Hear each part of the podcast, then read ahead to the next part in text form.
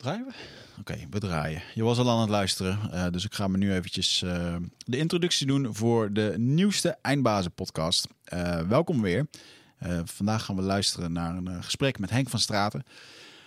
volgens mij ben jij wel echt de eerste echte schrijver-schrijver bij ons in de studio. Oh. We hebben wel veel mensen die, boek, die boekjes hebben geschreven, zeg ik ja. dan even heel erg oneerbiedig. Maar... Ja, die doen dan iets en dan schrijven ze er ook een boek een keer bij. Ja, maar bij jou heb ik echt het gevoel dat, uh, dat jij echt uh, je leven verslijt op een soort uh, kamer waar je de hele tijd zit te schrijven. Ja, nou dat, dat laatste is niet helemaal waar, maar het is wel zo dat ik, ik kan wel echt alleen schrijven. Ja. Dus dat is wel wat ik doe. En dat is wel het allerbelangrijkste wat ik vind om te, om te doen. En daar, daar, daar, daar koppel ik als het ware mijn hele identiteit aan. Of dat nou goed is, ja of nee, dat weet ik niet. Maar uh, het is niet zo van, ik, ik doe allemaal dingen in het leven... en ik wil ook eens een keer een boek daarover schrijven. Of um, ja. boeken zijn mijn uh, kern. Ja. ja. Literatuur, uh, memoires, gewoon het, het boek. Ja. ja. Ja. je bent, ik vind je daarin wel een bijzondere verschijning. Want sowieso hoe je eruit ziet. Ik zit hier tegenover een man die volledig ondergetatoeëerd is. Ja. En uh, als ik jou op straat tegen zou komen, dan zou ik niet denken: wow, de filosoof, de literaire schrijver. Nee.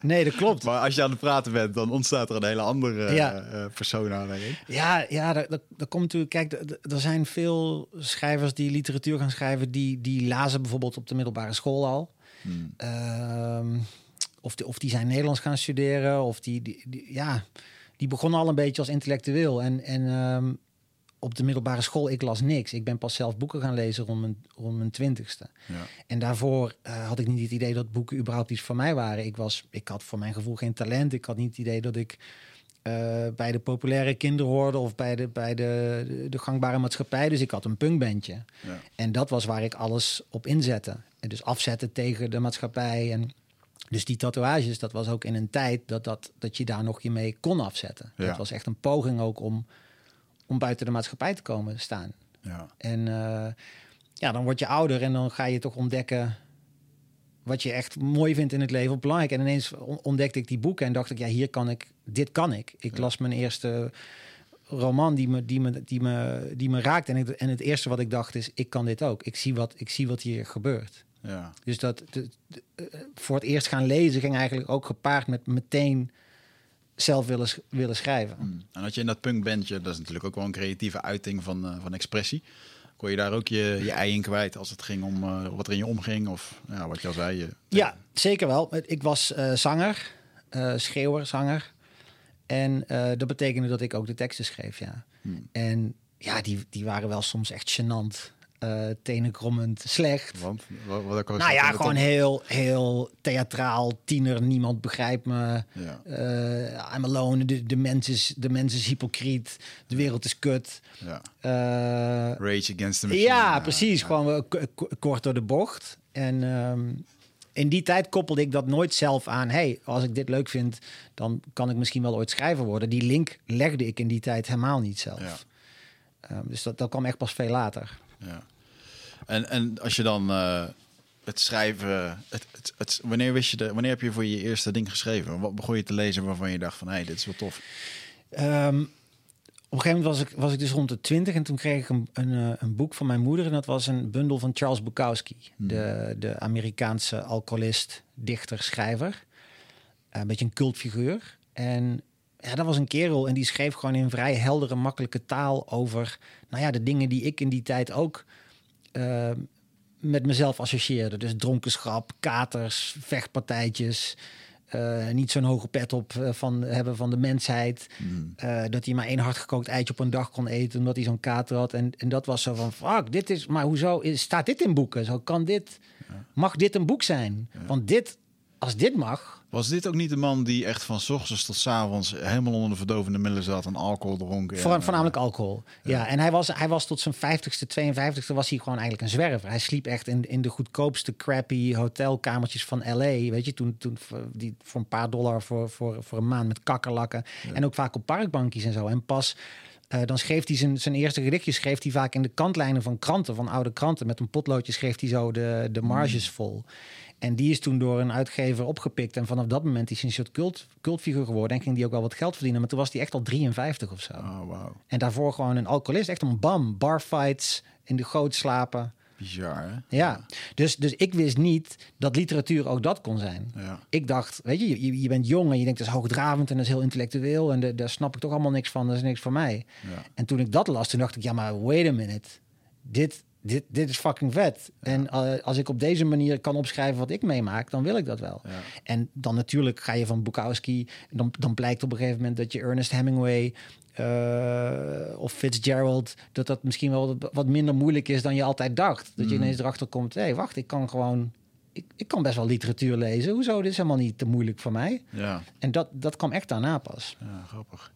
Ik had een beetje zo'nzelfde eye-opener over schrijven toen ik het boek, tijdens het schrijven van mijn boek, het boek eh, van eh, Henry Chaurier of zo, Papillon. Dat Mhm. boek dat hij op dat, eh, naar het Duivelseiland wordt verbannen. Ja, en ja, die, ja. weet ik veel, al negen keer ontsnapt daar of zo. Ja, Ik geloof dat het echt 400 pagina's is. Maar ik heb hem niet in één stuk uitgelezen. Maar dat was echt het boek waardoor ik dingen heb afgezegd om, omdat ik door wilde Ja. lezen. En gewoon over de bruutheid van de mens en net wat je zegt. Maar gewoon zo goed opgeschreven. ja. Eh, en dat het gewoon aantrekkelijk was om, eh, om te lezen. Precies, en dat, dat is ook, kijk, het vergt ook even tijd voordat je je, eigen leestraject ingaat en gaat begrijpen wat jij vet vindt om te lezen. Want kijk, Ja. het is niet zo dat als je eenmaal literatuur mooi gaat vinden, dat je dan elke nieuwe roman die verschijnt mooi gaat vinden. Nee. Ik vind, ik vind 9 van de 10 romans eh, kom ik de eerste drie pagina's niet door. Maar je wordt op een gegeven moment iets beter in, in herkennen van wat en wie je goed vindt. En Ja. dan als je dan een, een, een schrijver leest als Fitzgerald of zo, dat je er dan achter komt. Oh, in diezelfde tijd had je, had je Hemingway. Misschien vind ik dat dan ook wel goed. En, en sommige klassiekers vind ik, vind ik niks aan en, en andere wel. Maar als je de boeken vindt die, eh, die, die jij dus goed vindt, dan kan dat zo'n verdieping geven over gewoon wie wij zijn als mens en hoe, hoe grillig en, en, en ambivalent de wereld in elkaar steekt. Dat je toch net niet, vind ik, uit, eh, op die manier uit series en films kunt halen. Ja. ja, ik merk nu dat ik als ik een serie kijk of hoe zie je eigenlijk de, de platheid ervan. Dus het, ik, ik, irriteer me nu bijvoorbeeld als ik een boek lees of een stuk lees over dat er te weinig inhoud zit op bijvoorbeeld het uit eh, iemand een echte rol geven met een achtergrond en dingen. En denk, oh, er is eigenlijk wel meer, er is veel meer in te halen. Dan mis je eigenlijk een beetje de diepgang. eh, in. Dan kijk ik al 15 jaar geen televisie meer, dus dat scheelt. Ehm, maar ook in heel veel boeken, het is echt wel moeilijk om, eh, om alles een gezicht te geven. Zeker. En, eh, Ja, en, en je kunt ook weer te veel details aan een personage geven of te veel willen uitleggen. Soms werkt het veel beter Ja. als je een personage alleen maar laat doen en dat, dat een lezer daar zelf een beeld ja. bij gaat krijgen. Dat kan op allerlei verschillende manieren. En dat, dat, dat maakt van mij ook dat vakmanschap zo bijzonder als ik anderen lees. Dat ik nog steeds de kick die ik krijg als ik iets lees eh, met een stijl die ik nog niet kende of een manier van aanpak die ik gewoon nog niet ken, dan is dat alsof ik dat absorbeer ook. Alsof Ja. ik een soort van extra kracht erbij krijg. Ja. ja, die stijl moet je wel een beetje ontwikkelen. Ja, Eh, bij mij eh, werden mijn ogen wel geopend op de schrijversvakschool. En eigenlijk met een hele simpele opdracht kregen we een... ik heb daar gewoon een drie maanden non-fictiecursus gedaan. Dan kregen we gewoon een krantenbericht. En toen zei hij, oké, herschrijf dit maar. Krijgt tien minuten de tijd. En kreeg je van tien verschillende mensen kreeg je in één keer een herschreven iets. En dacht ik, wow, dit zijn allemaal van die percepties hoe je het verhaal kan opschrijven. Ja. En dat, eh, als je dat niet weet, dan, eh, dan ben je er blind voor. Wat is jouw eh, traject geweest in het jezelf, die, je eigen stijl aanleren? Ehm, ja, toch echt zelf lezen. Hmm. En, en dan gaan zien hoeveel kleuren er zijn mogelijk op dat palet. En ook bijvoorbeeld wat lelijk is, wat je niet, wat je niet mooi vindt. En ehm, gaandeweg gaat dat dan een soort van samensmelten. En kom je tot je eigen stijl. Maar die is, die is ook echt wel weer beïnvloed door alles wat jij daarvoor las. Ehm, da- daarom, weet je, ik, ik kom ook wel eens mensen tegen die zeggen dat ze ooit een boek willen schrijven en dan blijken ze zelf helemaal niet te lezen. En dan, ja, dan, dan probeer ik ze toch wel uit te leggen dat dat gewoon niet kan. Dat is, En dan, dan krijg je wel eens het filosofische argument van ja, maar dan heb ik tenminste een pure stijl die niet beïnvloed is door anderen. Maar dat is hetzelfde als dat jij een, een klarinet in je handen krijgt. En, maar je wil niks van over klassieke muziek weten. Je wil geen bladmuziek lezen. Je wil ook niet horen wat Mozart hiervoor allemaal heeft gemaakt. Want je zegt nee, ik wil mijn, als ik klarinet ga spelen, dan wordt dat mijn authentieke stijl. Nou ja, dat, ik ben benieuwd hoe, je, hoe jouw klarinetspel eh, gaat klinken. Ja, Ik vermoed dat je daar geen heel groot publiek mee gaat bereiken. Nee. Snap je? Dus ehm, ja, je, je wil beïnvloed worden, maar je wil natuurlijk ook niet gaan kopiëren. Je, de, ehm, en ik denk dat geldt precies zo voor, bijvoorbeeld voor muziek. Eh, Kanye West kan ook niet de, de, de, de vernieuwende hip-hop beats maken zonder die shit uit de jaren tachtig te kennen. ja. Dat, dat kan niet. Maar hij kopieert niet die shit uit de jaren tachtig. Hij, hij, is, hij is dus, zijn creativiteit is autonoom en Ja. is nieuw en is origineel. Maar heeft wel Ja. die bodem nodig van wat daarvoor gebeurd is. Ja, ik denk dat ik zelf ook wel heb ge- gevoeld op een gegeven moment dat je de drang hebt om met iets nieuws te komen of met een ehm, of origineel te zijn of eh, ja, ik, ik lees ook wel eens dingen en dan denk ik van ja, dit is gewoon oude stof, maar alles is eigenlijk al een keer geschreven. En, Ja. ehm, Ja, ik, Dus ik, ja.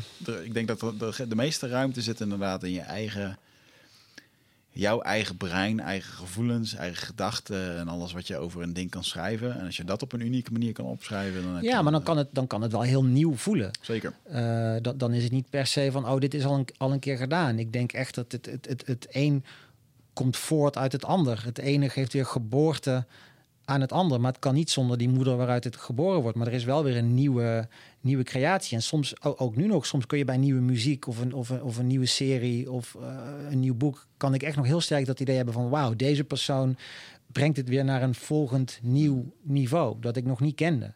En dat is, dat is denk ik ook het vette aan, aan alle kunstvormen. Dat je dat gevoel weer even krijgt. Of eh, en niet eens alleen met kunst, maar op alle gebieden. Dat je even denkt van, hey, wow, dit is een nieuw iets. Iets in jou kent het al. Je, je weet wat je, wat je, wat je eh, referentiekader is, maar daarbinnen gebeurt dan weer iets nieuws. Ja, mooi. Heb je eigenlijk dat, eh, wanneer heb je het, eh, is, is de transitie van het punkbandje naar het schrijven, was dat van een op de andere dag of is dat langzaam? Nee, wij stopten toen ik eh 24 was. Op een gegeven moment merkten we dat we, we- stagneerden een beetje. We hadden een klein platenmaatschappijtje waar we bij getekend hadden. We hadden een tourbusje, dus we gingen wel heel Europa door en zo. Maar we stonden wel ja, nooit voor veel meer dan zeg maar tussen de 10 en 50 man. Ah, ja. En op een gegeven moment, ook al is het punk en dat hoort een beetje kleinschalig en, en underground te zijn, eh, ga je, heb je toch ambitie om, om wat groter te gaan. En we voelden wel, dat lukte niet echt. En op een gegeven moment zie je zoveel backstage ruimtes die op elkaar lijken. Ja. En dan zit je daar weer met, met een paar kratjes gratis bier. Met eh, dezelfde mensen die je kent uit andere bandjes. En dat ging toch vervelen op een gegeven moment. Ja. En, eh, maar toen, toen, ja, toen was ik 24. eh, en ik denk dat ik, dat ik pas echt serieus met schrijven begon. Dat, dat, nou ja, dat kwam eigenlijk wel... Ja, dat, nu je het zegt, komt dat toch wel overeen. Ik denk dat ik op mijn 25e, 26e wel mijn eerste poging deed tot, tot een boek. Hmm. Eh, ja, dus daar heb je eigenlijk wel gelijk in, ja. Want het ene voor het andere verruilt, als het ware. Of dat is zo in elkaar wel overgelopen, ja. Ja, maar Je was 28 hè, toen je eerste boek uitgaf. Nee, jonger zelfs, man. Of je hebt in Ehm, drie jaar tijd, heb je, wat was het? Je hebt in vier jaar tijd vijf boeken uitgegeven. Ja, nou ja, wel meer. Want kijk, ik, ik verzwijg eh, de eerste paar. Oh, oké, dat is interessant. Ik, ja, ja. ehm, de, hetzelfde het allereerste boek dat ik schreef, was echt een soort van oefenpoging. En dat was, was een, een eh, avontuurlijk jongerenboek, een kinderboek. Heette Zwart. Z- ja, Zwart, het donker ontwaakt. En dat is, kan je zien welk jaar dat daar is? Dus 2007. Ja, dus dat publiceerde ik op mijn 27ste. En ehm, daarna vol, volgde al vrij snel een debuutroman, Kleine Stinkert. En ehm, dat was, dat was eh, ja, in, een- in een periode bij een uitgeverij waar inderdaad heel kort vier boeken verschenen. Ja. En daarop terugkijkend ging dat gewoon voor mijn gevoel allemaal te snel. En de redactie was te snel. En, en da- daar had iemand moeten ingrijpen en meer moeten zeggen... hey, je bent een goed jong talent, maar rustig aan. We- Hmm. We publiceren niet nu, maar over een half jaar. En we gaan er nog een rondje redactie overheen Oh, dat gooien. was een goede uitgeverij. Ja, nou, ik, zeker nu. Le- Eh Lebowski, ja, absoluut. Nee, de- de- geen kwaad woord erover. Alleen toen, toen zij mij tekenden, waren ze pas net begonnen. Hmm. En dat merkte je wel een beetje in, in de haast, denk ik, die ze hadden om, om zich te vestigen. En dat was toen ze, ze, ze gingen het heel erg gooien op jong en hip. Dus ook veel crossover evenementjes met hip-hop en rappers en straatcultuur. En, en Ja. eh, waar ik goed in paste, volgens hen, weet je, met tatoeages en ook jong. Dus ik werd daar iets te snel in Ja. gestimuleerd. En eh, ja, die, die, die uitgeverij moest zich nog uitkristalliseren. Hmm. Ja, heb je het idee dat, je, dat ze je probeerden, eh, met alle goede bedoelingen, dat ze je probeerden te framen op een bepaalde manier? Zo van, we hebben een nieuwe schrijver, die moeten we neerzetten. Ja, een, eh, dat, dat, dat, vond ik, dat voelde ik toen wel. Ehm, en juist omdat ik die tatoeages al heb, wil ik er natuurlijk voor waken dat ik zo'n soort van rock and roll type word. Eh, en op die manier ook eh, geadverteerd wordt. Omdat Ja. ik uiteindelijk gaat het mij om, om dat mijn werk goed is. En, en, en, en dat dat serieus genomen wordt. Ik, ben, ik heb wel echt drang naar erkenning. Ja. Dus ik, het idee dat ik al bij serieuze media of recensenten uh, een soort van... Oeh, maar dat is, die, dat is dat rock'n'roll gastje die vooral bekend is omdat hij getatoeëerd is. En zo, dat wilde ik niet. En dat was ook wel een van de redenen voor mij om op een gegeven moment over te stappen naar een, een gevestigde klassieke uh, uitgeverij als Nijgen van Ditmar. Ja, ja. Ja, jij bent bij mij op mijn vizier gekomen omdat ik getipt werd door iemand. Uh, die zei, uh, ja, je hebt nu ook die Henk van Straten, die, uh, die journalist en schrijver... die helemaal onder het water zit, die ook de ayahuasca doet en zo. Ja, ja je, kijk, je ontkomt er niet aan. Hè. Je, je, kunt je ook blijven verzetten tegen elke vorm van typecasting dan ook. Maar dat, ja. dat heeft ook geen zin. En ik denk dat je ook moet accepteren dat je in elk brein dat weet van jou heeft, mm -hmm. ben jij een soort van avatar, op wat voor manier dan ook. Dus, ja. dus iemand die mij heel vaag kent van één column en oh ja, die gast met die tatoeages, die vormt zich een beeld van mij. En, dat, ja, en iemand anders die, die al mijn werk leest, die heeft misschien een beter beeld, maar dat is weer een ander beeld. Dus je, je, het heeft ook niet zoveel zin om, die neiging heb ik wel eens, om zo dat ik wil dat iedereen die van mij ooit gehoord heeft, dat die precies het beeld van mij heeft. Ja. Dat ik denk dat ik ben of dat ik fair vind of zo, dat, dat moet je natuurlijk ook loslaten. Ja. Ja, zeker in het huidige medialandschap is dat niet, uh, is dat niet te doen. Nee, en in, in het medialandschap niet en überhaupt niet op de wereld. Weet je, ook, ook, ook in, een, in, een, in een samenleving of in een wijk. Weet je, iemand, iemand die twee straten verder woont en die jou af en toe met de hond ziet lopen. Hmm. Daar zit jij ook, die heeft ook een ding van jou in zijn hoofd. Ja. Dat is ook een avatar. Ja. En ja, soms dat, dat, dat een gekmakende gedachte op, op momenten wel. Want jij denkt gewoon, ik ben ik en, en mensen zien mij als ik. Maar je bent natuurlijk in elk hoofd ja. In elk individueel hoofd ben jij een ander iemand. Ja. fucking maf. Ja, en het is bizar dat, uh, je had het net over uh, een Theo Maassen. Um, als ik, als, een, en is een naam, maar er zijn heel veel bekende namen die inderdaad in mijn hoofd zitten, waar ik aan denk, maar waar ik een heel vast, standvastig beeld van heb. Ja. Over hoe dat ze zijn en hoe dat dan gevormd is, ook niet echt een idee over. Ja, maar daar kun je ook niks aan doen. Elk mens, dat, dat zit natuurlijk gewoon in ons DNA. Je, je vormt een beeld, daar, daar zitten vooroordelen bij. En dat doe je omdat je de wereld moet kunnen ordenen. Ja. Als, als je niks ordent en in kaart brengt, dan kun je niet navigeren. Hmm. Maar in die ordening uh, reduceer je een hoop dingen tot wat voor jou werkt. Ja. En uh, is, ja. je brein is niet bezig met, hey, we moeten tot de essentie van iets komen. Nee. Dat is geen overlevingsstrategie. Overlevingsstrategie is, wat moet ik weten ergens van om er doorheen te kunnen navigeren. Met zo min mogelijk moeite. Ja, en dan voortplanten en uh, doodgaan. Ja. ja, is dat zo plat, denk je? Nou, ik, denk, ik denk wel dat, dat wij uh, echt wel gewoon dieren zijn. Ja. En uh, dat, dat, dat al die dingen die wij, waar wij over nadenken, dat vind ik super boeiend. Want dat is het enige diersoort die dat kan. Mm -hmm. uh, dat, je, dat je daar weer over na kunt denken. Maar ik denk wel dat die, die, die systemen die wij hebben, die zijn, die, die zijn enorm sterk ja. nog. Gewoon de, de, de biologie in ons. Ja.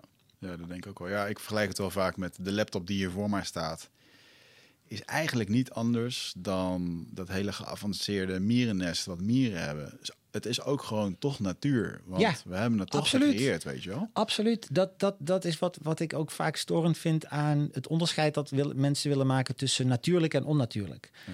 Dus dan gaan ze bijvoorbeeld over iets zeggen, ja, maar dat is toch heel onnatuurlijk. En iets anders is dan heel natuurlijk. En dan denk ik altijd, hè, maar wie, wie alles komt gewoon voort uit... Ja. Er is een aarde met, met zand, water, steen, mineraal en ijzer. En alles wat je daarmee doet... Ja. En wat een diersoort daarmee doet, is per definitie natuurlijk. En, en ook het onderscheid tussen natuurlijk is dan goed... en onnatuurlijk is dan per definitie slecht. En dan, en dan denk ik ook, hè, maar en ratelslanggif dan? Zo, we, we, dat is dan goed. Nee, laat, er maar eens, laat je er maar zo eentje bijten ja. of zo goed. Of, een, of een paddenstoel waar je één likje van neemt en je bent fucking morsdood. Het is zo'n raar, uh, arbitrair Hmm. en, en simplistisch onderscheid, vind ik, tussen natuurlijk en onnatuurlijk. En wat, wat jij zegt is er mooi met die Miro. Wat, wat is er anders bijvoorbeeld aan een stad, gemaakt van steen en gebouwen, mm-hmm. en een koraalrif?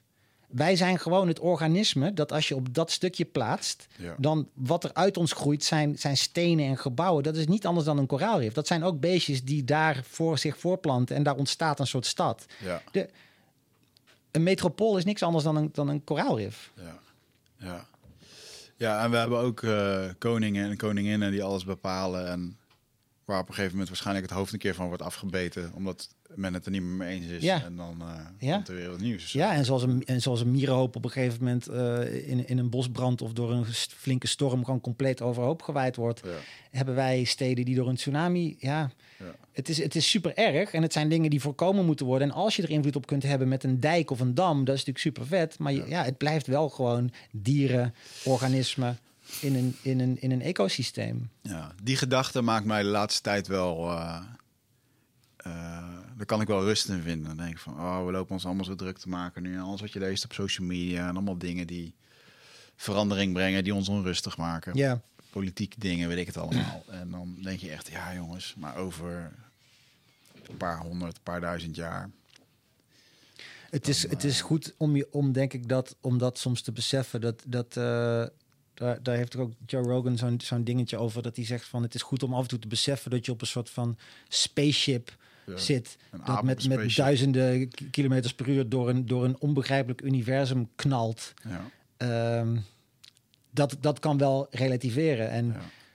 ja, en, en, ook- en ook dat werkt maar een tijdje. Want, want we kunnen ook niet anders dan ons opwinden over de kleine dingen in ons leven. Dat is, zo zijn we ook geprimed. Dus je hebt stress om eh, dingen die wel of niet doorgaan. En Ja. eh, Ja, ja het is, het is Ja. een rare gedachte dat er buiten deze atmosfeer stukken rotteblok van 30 kilometer lang rondzweven eh met een snelheid van een paar duizend kilometer Ja. en volledig van diamant zijn, weet je wel? Ja. Van staal. ja. Maar überhaupt, überhaupt het, het universum en, en wat dit is, wa- wa- wat, wat deze werkelijkheid is, wie, wat hier aan de hand is. De, de- we hebben geen enkel fucking flauw idee. Dat is gewoon sowieso toch onbevattelijk. Nee. Dat, dat, eh, Ja, en dat vind ik dan af en toe wel eens de, eh, de shallowness waar we af en toe waar we mee bezig zijn, weet je wel. Hmm. Hier en misschien is dat wel heel die, primitieve, die pri- primitieve overlevingsdrang dat we gewoon we willen het relaxed hebben, we willen Netflix, we willen geen zorgen. ja. Maar echt eens even lekker nadenken over de nieuwe of de diepte van het leven of van wat het allemaal speelt. En eh, Ja. ja, ik denk dat we dat toch ook, ook wel doen. Ik denk dat er ook genoeg mensen daar wel eh, over pijn zijn nadenken. Maar ik denk ook, er is ook een grens aan hoe, hoeveel je dat kunt doen. En ook bijvoorbeeld Hmm. in, in, in het geval van wat is het universum. Dat, ja, je loopt ook vrij snel wel tegen een grens aan. ja. Eh, je, je kunt een beetje gaan speculeren over andere dimensies. Maar je zit altijd weer met die vraag, ja, en, en, en waar komen die dan vandaan? Of het is Ja. altijd turtles all the way down. Ja. Dus het feit dat wij leven in dit totaal onbegrijpbare bestaan, in dit werkelijkheid, is, is ook weer zo wonderbaarlijk. Eh, ja, het, het, is ook, het is ook waar we het maar mee moeten doen. Ja. Dus eh, ja, ik, ik maak me zorgen over de cijfers van mijn zoontje. Weet je? En, Ja. en eh, ik, ik kan nadenken over het universum wat ik wil, maar dat gaat daar echt niet tegen helpen. Dat zit ook gewoon zo diep dat je om dat soort dingen stress hebt. Ja.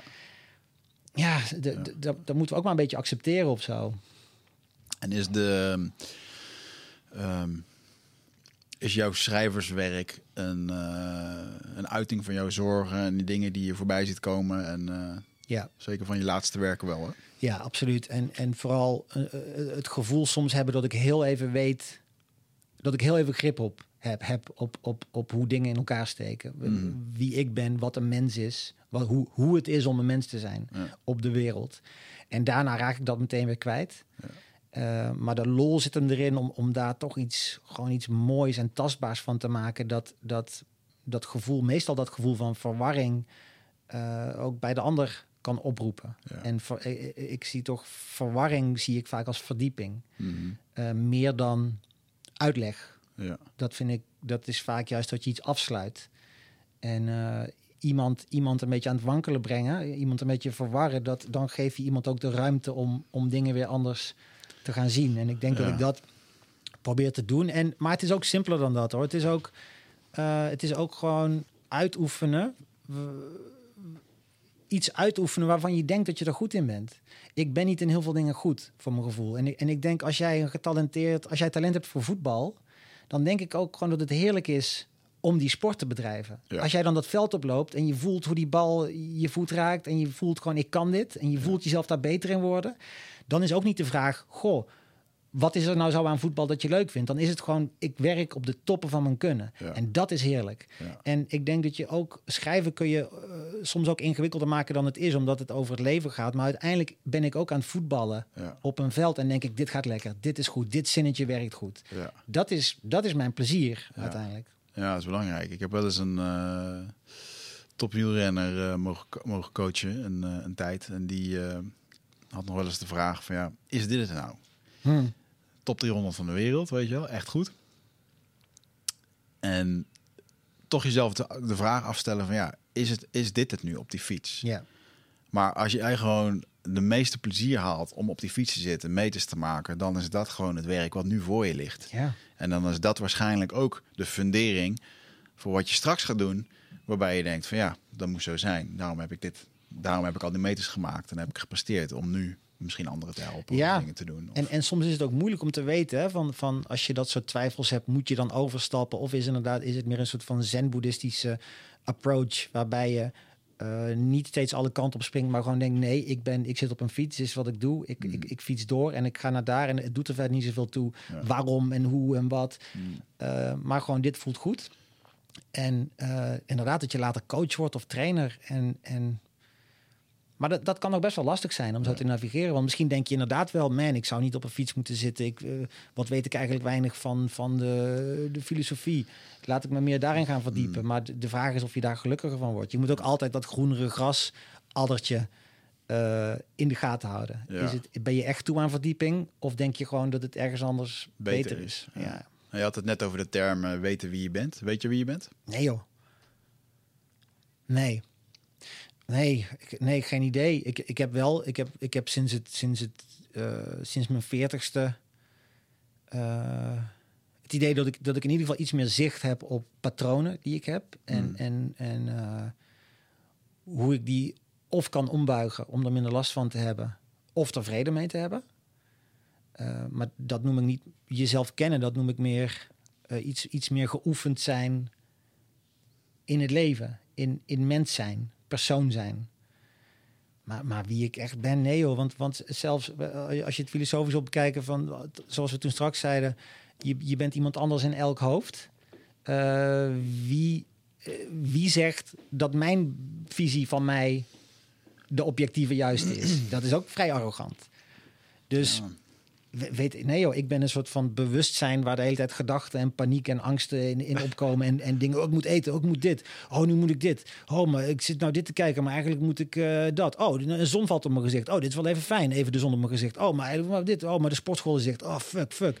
Eh, en zo ben je een soort opeenvolging van, van, van, van, van gedachten. En, en ja, wie, wie ik, ik denk dat dat ben ik. Ja. Eh, uiteindelijk net, net als iemand, net als ieder. ja. Geeft, dat, geeft het je stress? Ja, ik, ik heb sowieso heel veel, ik heb heel veel stress. Ik ben een heel eh, onrustig persoon. Hm. En eh, ja, dat, dat, dat ben ik misschien de laatste tijd iets, iets meer gaan accepteren. Maar dat, doet- en dat brengt dan weer iets van rust. Mhm. Maar ik, ik word in principe wakker. Ik, als ik wakker word, dan heb ik het gevoel, eh, het zit niet goed. Hm. Altijd. Ja. Oh, ja, dus dan moet ik ook snel mijn bed uit en dan dat, dat soort van negeren. ja. En douchen en weet je. dat dan, is de dan, verdoving, gelijk bezig zijn, zeg maar. Ja, ja maar is niet, ik, ik weet niet of je dat verdoving noemt. Het is ook niet, niet vallen in een gat dat totaal uitzichtloos is en ook niet echt gebaseerd is op eh, goede redenen. Mhm. Kijk, als ik nou wakker werd 's ochtends en ik dacht, oh, het zit niet goed, want dit is er aan de hand. Dan, kan je, dan vind ik het nog begrijpelijk. Maar bij mij is het andersom. Ik word wakker met het gevoel dat het niet goed zit. Mhm. En als ik daar dan in blijf hangen, dan ga ik zoeken naar redenen die dat kunnen veroorzaken. Maar dat is omgekeerd, snap je? Ja. Want je vindt altijd wel redenen. Er zijn natuurlijk altijd dingen in je leven op dat moment die niet goed gaan, of die beter kunnen, of die aandacht verdienen. Mhm. Dus dat onbestemde en donkere gevoel van het, het zit allemaal niet goed in het leven, ja, daar vind je echt wel redenen bij. Ja. Maar dat is omgedraaid. Dus ik moet eerst dat eerste gevoel moet ik al niet serieus nemen. En dan kan het inderdaad helpen om maar nee, niet erin blijven hangen, gaan douchen. En dan ga je dingen doen eh, waarvan je weet dat je er goed bij gedijt. Dus Ja. bijvoorbeeld zoiets, zoiets als koud douchen of zo. Weet je, want dan... ehm, dat, dat doe ik nou eh, een jaartje of zo. En dat werkt gewoon goed. Omdat je dan meteen iets doet waar je eigenlijk een beetje tegenop ziet. En dan overwin je jezelf daarin. En zoiets kleins kan al betekenen dat je iets beter over jezelf voelt. Ja, en plus snap het, je eh, dus dat, dat soort dingen, die, die probeer ik dan in te bouwen om, Ja. om niet in dat gevoel te blijven hangen van dingen zijn mis. Ik moet eigenlijk iets anders doen dan ik aan het doen ben. Hmm. Ja, dat lijkt me wel lastig. Ik heb ook wel periodes gehad dat ik dat zo had. Ehm, met dat gevoel wakker worden van, eh, je zei het net goed, eh, on- onbestemdheid of zo. Mhm. Het is echt wel een... en soms ook wel een beetje zwaarmoedig. Ik ben nooit depressief geweest, maar ik kan wel zeggen dat ik af en toe wel denk... eh, oh, we moeten weer, weet je wel. Of als Mhm. ik hier de hele dag achter uur in mijn eentje had zitten schrijven... dan kwam ik niet opgeladen thuis van eh enerverend dagje Nee, gehad. precies, ja. Of, ook al heb ik twee goede pagina's geschreven of wat dan ook. En, ja, Dat is wel gek eigenlijk, dat je eh, uit van twee goede pagina's geschreven hebben, dat je daar niet met een ah, voldaan nou, gevoel van kan ik heel terugkomt. streng voor mezelf zijn. Ja? Kan ik echt... Terwijl je ze dan wel zelf goed vond, die pagina's. ja, Maar, Ja. maar wat is dan je... eh, heeft het dan een reden dat je je er niet goed over voelt? Vind je dan eigenlijk dat het er drie hadden moeten zijn? Of wat is dan de... Ja, ik kan echt ontzettend eh, streng zijn voor mezelf, of balen van mezelf. Dat, het, dat ik. ehm, eh, nou, laat ik het zo zeggen. Ik ben gewoon, ik ben gewoon heel erg goed in embracing the suck. Ja? Zoals ze dat zeggen. Gewoon, ik kan gewoon acht uur lang wel echt gewoon zitten. En, ik, en soms zijn er wel gewoon momenten dat ik in de, in de flow zit. Ehm, maar ik wil er dan graag in blijven. En dan zit er heel veel, er zit heel veel ongeduld bij mij. Ehm, en ook het willen forceren. Hmm. Ik denk dat het. eh, mijn vriendin die, eh, eh, die is wat meer in tune met. eh, nou, net hoe je dat je wil noemen. Maar die zegt gewoon: "Yo, ik ga boven even schrijven. En die schrijft een uur. Van de week ook. Ze zei, ik heb eh, voor dingen die ik wil voorlezen. En ze had gewoon drie kleine hoofdstukjes. Dat Mm. ik dacht: wauw man, dat is echt goed. Ik voel het, ik zie het. Ja, En zij zit dan helemaal glunderend achter de computer. Ja, mooi hè. En dan, eh, in een zij- uurtje heeft ze dat gedaan. zij zegt dan, dat komt dan zo door me heen. En zo werkt zij ook. Dat is ook haar gave. Ehm, en dan denk ik, eh, oh, daar kan ik wel een gezonde jaloezie voor. Ja. ja. En ik denk, maar dat is misschien het verschil tussen schrijven om, om, dat, hè, om die voetbalvergelijking maar even te maken. Mhm. Schrijven omdat, omdat je het gewoon echt lekker vindt om te doen en omdat je er gewoon goed in bent. ja. En schrijven terwijl het misschien niet je eigen forte is vanuit jezelf. Maar Nee. dat, je, dat je denkt, man, ik heb iets meegemaakt. Eh, of ik heb een boodschap en dat wil ik. Dat, ik vind het toch heel belangrijk om dat op papier te krijgen. Ja. Dat is natuurlijk een andere insteek. Ja. Voor in dat laatste geval, dus in jouw geval, zal dat, zal dat gewoon meer werken zijn. ja. Eh, ik, ik ben ben- meer natuurlijk, ik ben meer als jouw vriendin. Ik kan, ik, ik heb toen ik aan mijn laatste boek werkte, ehm, zaten er gewoon dagen tussen dat ik zelf ook gewoon versteld stond van hoe, hoe makkelijk en hoeveel ik schreef. Ik heb dagen gehad waarin ik 3000 woorden schreef. Wauw. En, dat was goed. Dan. Ja, nou ja, ja, daar was ik dan wel blij mee. En Ja. ach, met de redactie dan is het natuurlijk wel, dan ga je nog een keer goed naar kijken. Mhm. Maar dat ik een soort van uit een droom ontwaakte ook van... Jezus, heb ik nou 3000 woorden vandaag geschreven? En dan was het niet eens dat ik van 's ochtends 7 uur eh, Spartaans opstond... en tot 's avonds laat of zo. Hè? Want ik, ik, ik, zo'n schrijver ben ik helemaal niet. Ik drink Hmm. koffie, ik stel uit, ik kijk een YouTube-filmpje... ja, dat herken ik. ik doe een paar eh, pull-ups. En uiteindelijk zit ik echt zit ik daadwerkelijk... Te, dat ik echt daadwerkelijk concreet zit te schrijven... zijn dan misschien maar vier uurtjes. En daar heb ik dan 3000 woorden in geschreven. Ja. Dus Oh, wauw. je, ja, je, wat je zegt over forceren. ehm, voor, voor jou zal het soms meer als forceren eh, voelen en nog gewoon meer tijd kosten Ja. dan voor iemand die daar meer talent voor heeft. Als ik, als ik nu wil gaan voetballen, ja, dan ben ik ook veel langer aan het trainen dan Ja. iemand anders. Ja, mijn, ehm, ik kwam eigenlijk vanuit het spreken. Het sp- ik kan het mooi vertellen. En op een podium kan je natuurlijk veel meer beeld en eh, dingen erbij gebruiken. Ja, En Dus om het dan op een papier te zetten. eh, dus ik heb ook al die e-mails bewaard en de feedback van de eerste uitgeverijen en mensen die naar gekeken hadden. En eh, ook het eerste ding wat ik had uitgeprint, wat ik echt helemaal ondergeklad terugkreeg. Hmm. Waar ze halverwege gewoon opgehouden waren. oeh, dat is pijnlijk, hè? Dat is zo Oh, kloten, ja, man. ja, maar Ja. Wel, wel echt wel, eh, ja, wel echt heel cool.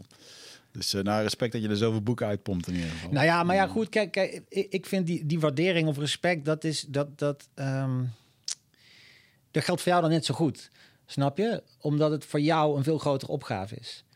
Eh, dus, dus ik vind iets is knap, eh, de- afhankelijk van hoeveel tijd en werk je erin steekt. En de ene met meer talent voor iets, die heeft daar meer, plukt daar meer vruchten van. Mm. Maar het is even knap. Snap je? Vind ik. En dat, dat boek van jou, daar kan ik bijvoorbeeld echt naar kijken van... dat heb jij zelf uitgegeven. En de vormgeving en de, en de, de hele vorm waarin dat boek komt, is zo fucking mooi. Mm, En dat vind ik knap. Van waar ga je dat in je eentje even organiseren en fixen en doen? Dat zou ik dus weer nooit kunnen. Ik zou niet weten waar ik moest beginnen. Ik zou meteen hopeloos zijn. En hoe moet het dan met een kaft? En, en dan wie, bij wie ga je dan? Ja. Ik, ik kan uiteindelijk echt niks anders dan dat creatieve stukje. En dat Ja. geef ik aan iemand anders. En die maken er maar een, een boek van. Anders Ja. zou ik meteen onder mijn bed kruipen. Ja. Dus dat vind ik knap, snap je? Ja, ja, ja, zeker. Ja, nou, mooi om dat zo, eh, om zo terug te horen. Ja. En eh, ik, vind het vooral, ik vind het vooral mooi als voor mezelf. Ehm, eh, jij had het straks over erkenning. Ik ben ook altijd wel op zoek geweest naar erkenning. En vroeger deed ik dat op een hele verkeerde manier. En nog steeds, als ik me kut voel, dan, weet je wel, ja, dan kan ik ook op Instagram even een filmpje doen om eh, gewoon even de interactie te zoeken. Korte termijn eh, fix. ja. ja. even die dopamine laten stromen. En, maar ik kreeg vorig jaar wel echt een heel mooi... Hoorde ik iemand een heel mooi ding zeggen. Die zei van, als je nou die erkenning wil, doe dan erkentelijke dingen. Hmm. En ik heb afgelopen jaar twee dingen mooi, gedaan... waar ik echt van denk van ja... Hier, hier gaat niemand iets over zeggen. Of hier mogen mensen wat over zeggen. Maar hier heb ik gewoon na- naar eer en geweten al mijn fucking energie in gestoken. Mhm. En, eh, en daar teer ik eigenlijk veel langer en dieper en, en bevredigender Ja. op dan de, die Instagram post waar niemand na twee dagen ooit nog meer een keertje naar keek. Ja, is veel meer wholesome en inderdaad iets, iets ook gewoon trots. En Ja. ehm, dat is denk ik heel belangrijk. Ja. En wat bedoel je dan met die twee dingen? Dat is het boek, neem ik aan. Ja, het boek. En ehm, eh, ik heb eh, de eerste selectie meegedraaid bij het Korps Commandotroepen. eh op uitnodiging van de commandant die er was. Oh, ik zag iets op jouw Instagram volgens mij. En dat heb ik een, een, een goede ja, jaar, negen maanden voor getraind. En en dat heb je doorstaan. helemaal. Ja, Dus wat betekent dat dat je in feite gewoon nu niet onderdoet voor, voor een eh, commando? Dat je in principe Nee, dezelfde de- soort opleiding hebt gevolgd als, als zij doen? dit is de, ehm, eh, deze drie dagen moet, moet iedere militair en burger doorstaan om überhaupt in aanmerking te komen voor de opleiding. Ja. En ehm, eh, ja, het is, het is gewoon best wel bizar. Ja, daar geven zich 33 mensen voor, voorop en er blijven er 12 over na drie Shit. dagen. En ja. Ik wilde altijd vroeger. Ik dacht dat ik vroeger altijd daarbij wilde. En ik ben er ook dus mooi. Eh, ja, gewoon. eh, Ik was 37, de meeste zijn er 23.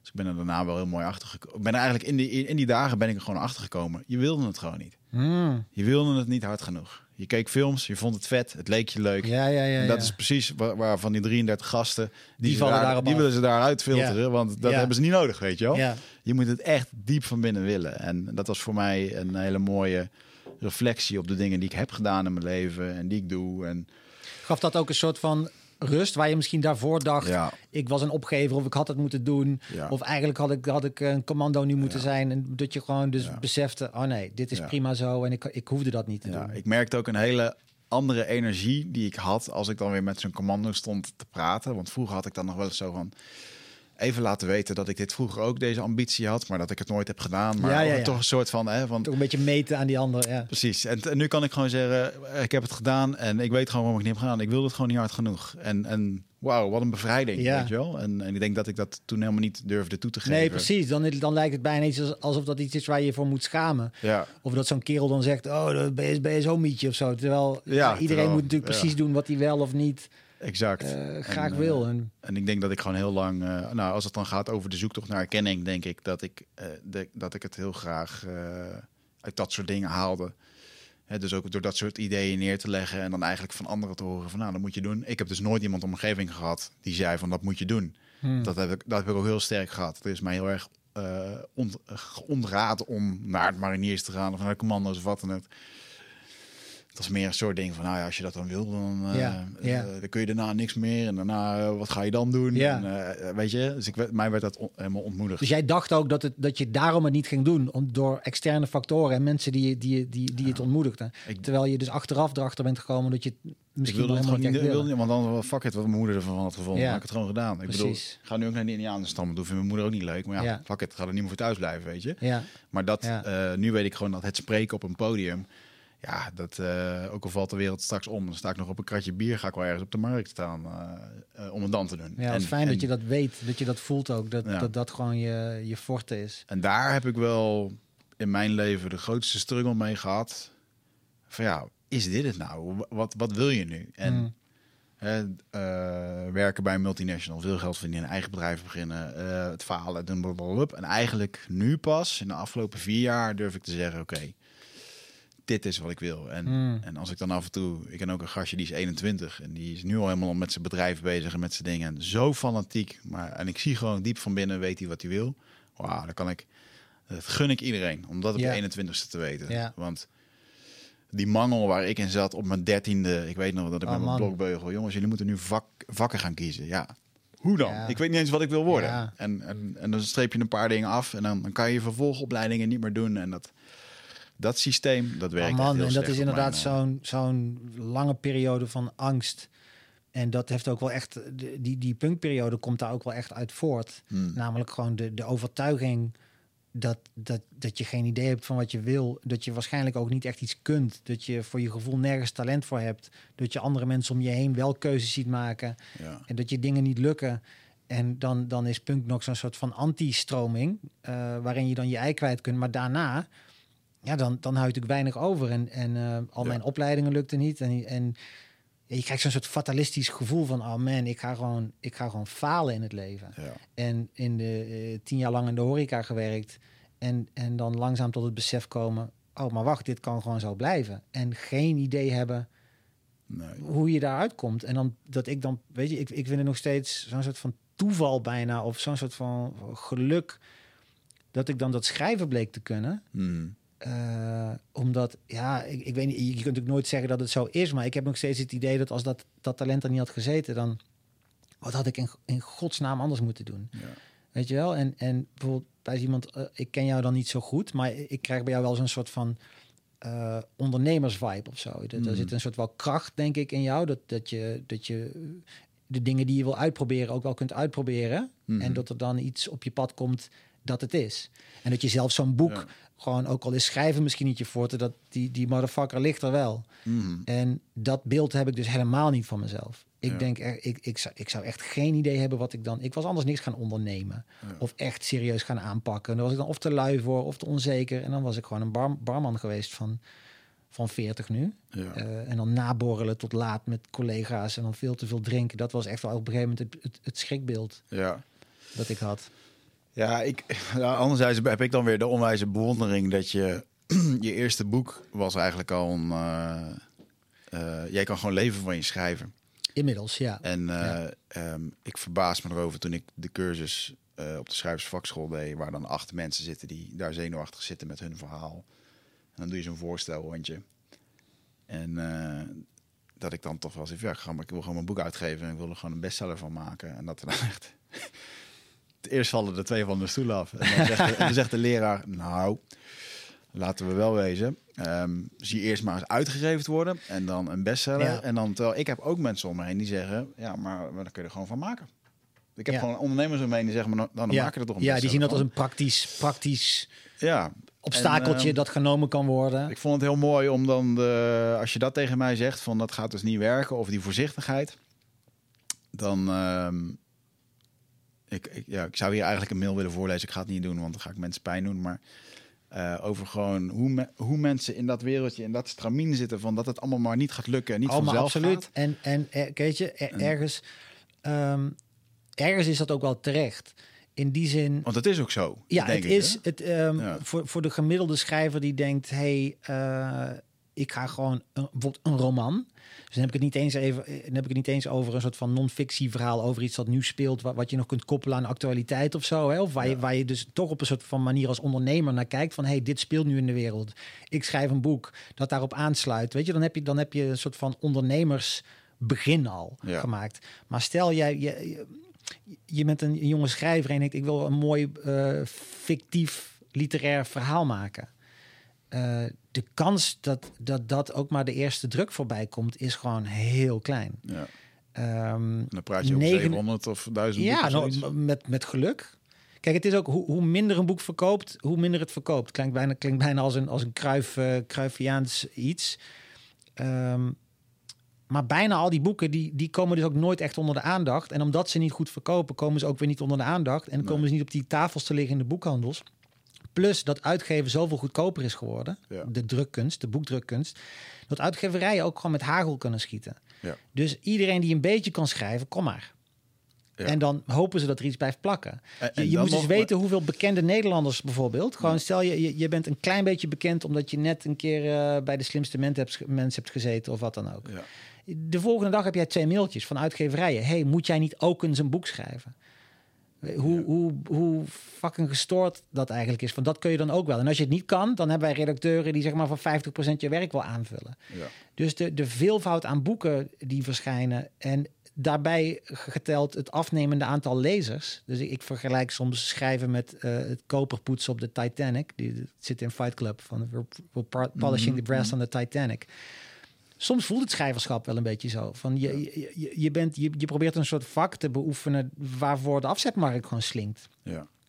En aan de andere kant is jouw instelling natuurlijk wel, als je dan iets wil bereiken, heb je die instelling wel ook nodig. En ik ben gelukkig ook wel ambitieus. Mhm. En als je kijkt naar bijvoorbeeld wat Kluun destijds deed met zo'n eh, Komt een vrouw bij de dokter, die kwam uit de reclamewereld. En die heeft dat ook echt op zo'n soort van ondernemersmanier aangepakt. En dat Ja. lukte. Dus die mensen die jij kent die zeggen, oh, maar van een boek kun je gewoon een bestseller maken als je maar dit, dit en dit doet. Die geloof ik ook. Maar ik weet ook dat dat voor 99 van de 100 eh, mensen die denken, ik ga een roman schrijven of een boek schrijven, die, en die denken niet zo. En die hebben een product in handen waarbij dat gewoon een stuk minder makkelijk Ja. Ja. kan. ja, dat denk ik ook. Ehm, ja, wat je al zegt, hè, wordt, een uitgeverij geeft makkelijk boeken uit. Maar toch heerst er voor de beginnende schrijver echt wel het utopie van... Ja, maar je wordt niet zomaar uitgegeven. Nee. Dat is ook wel weer zo. Is, ja, is absoluut zo. Zeker als je dus niet al bekend bent om iets anders. Dat maakt het een stuk moeilijker. We leven toch in een soort celebrity culture waarin je dan voor een voorsprong hebt. Ja.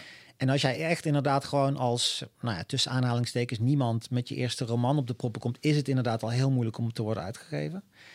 En eh, ik heb ook echt vaak met mensen te doen, want als je dan wordt uitgegeven, dan denk je dus, ah yes, ik heb een boekcontract Nu en nu, nu gaat het beginnen.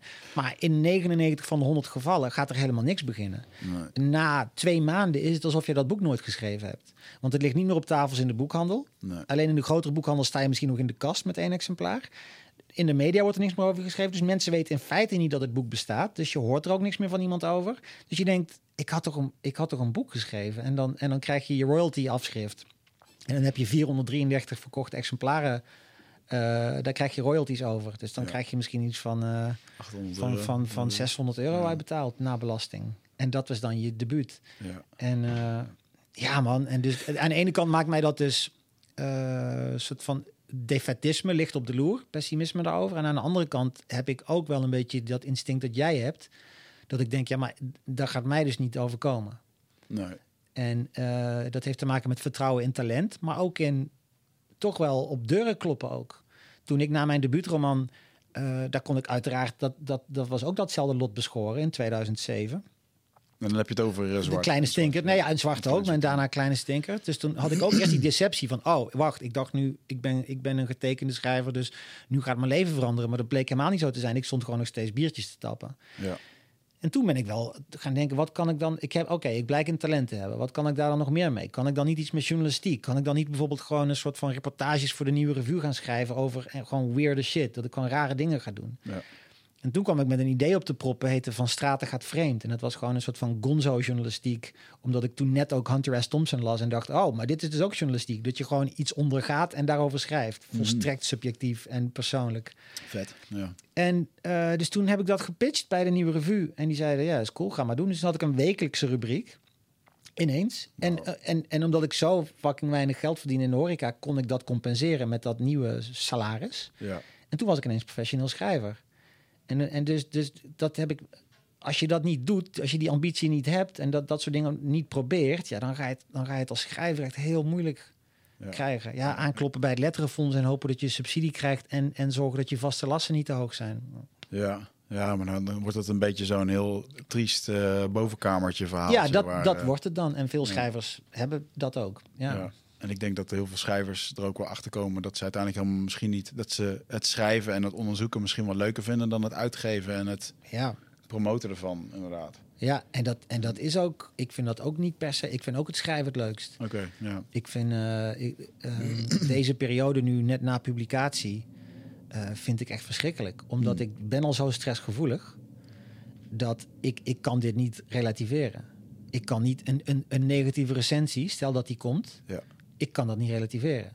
mensen kunnen dan zeggen, ja, ook, je snapt ook wel dat het de mening is van één iemand. Of wie leest dat krantje nou? Of wat dan ook. De, ik snap al die rationele argumenten. Die kan ik zelf ook wel bedenken. Ja. Maar het helpt geen fuck. Hmm. Ik, ik ben misselijk. Ja. Ik ben misselijk. Ik heb wraakgevoelens. Ja. Ik wil er tegen ingaan. Ik wil die personen opzoeken thuis. Ik wil een, ik wil een, beto een, een betoog dat er tegen ingaat, wil ik schrijven. Ja. En ik heb meteen ook het gevoel, oké, dit gaat dus niks worden. Dit nu, vanaf hier is het bergafwaarts. Dit, oh ja, ellende.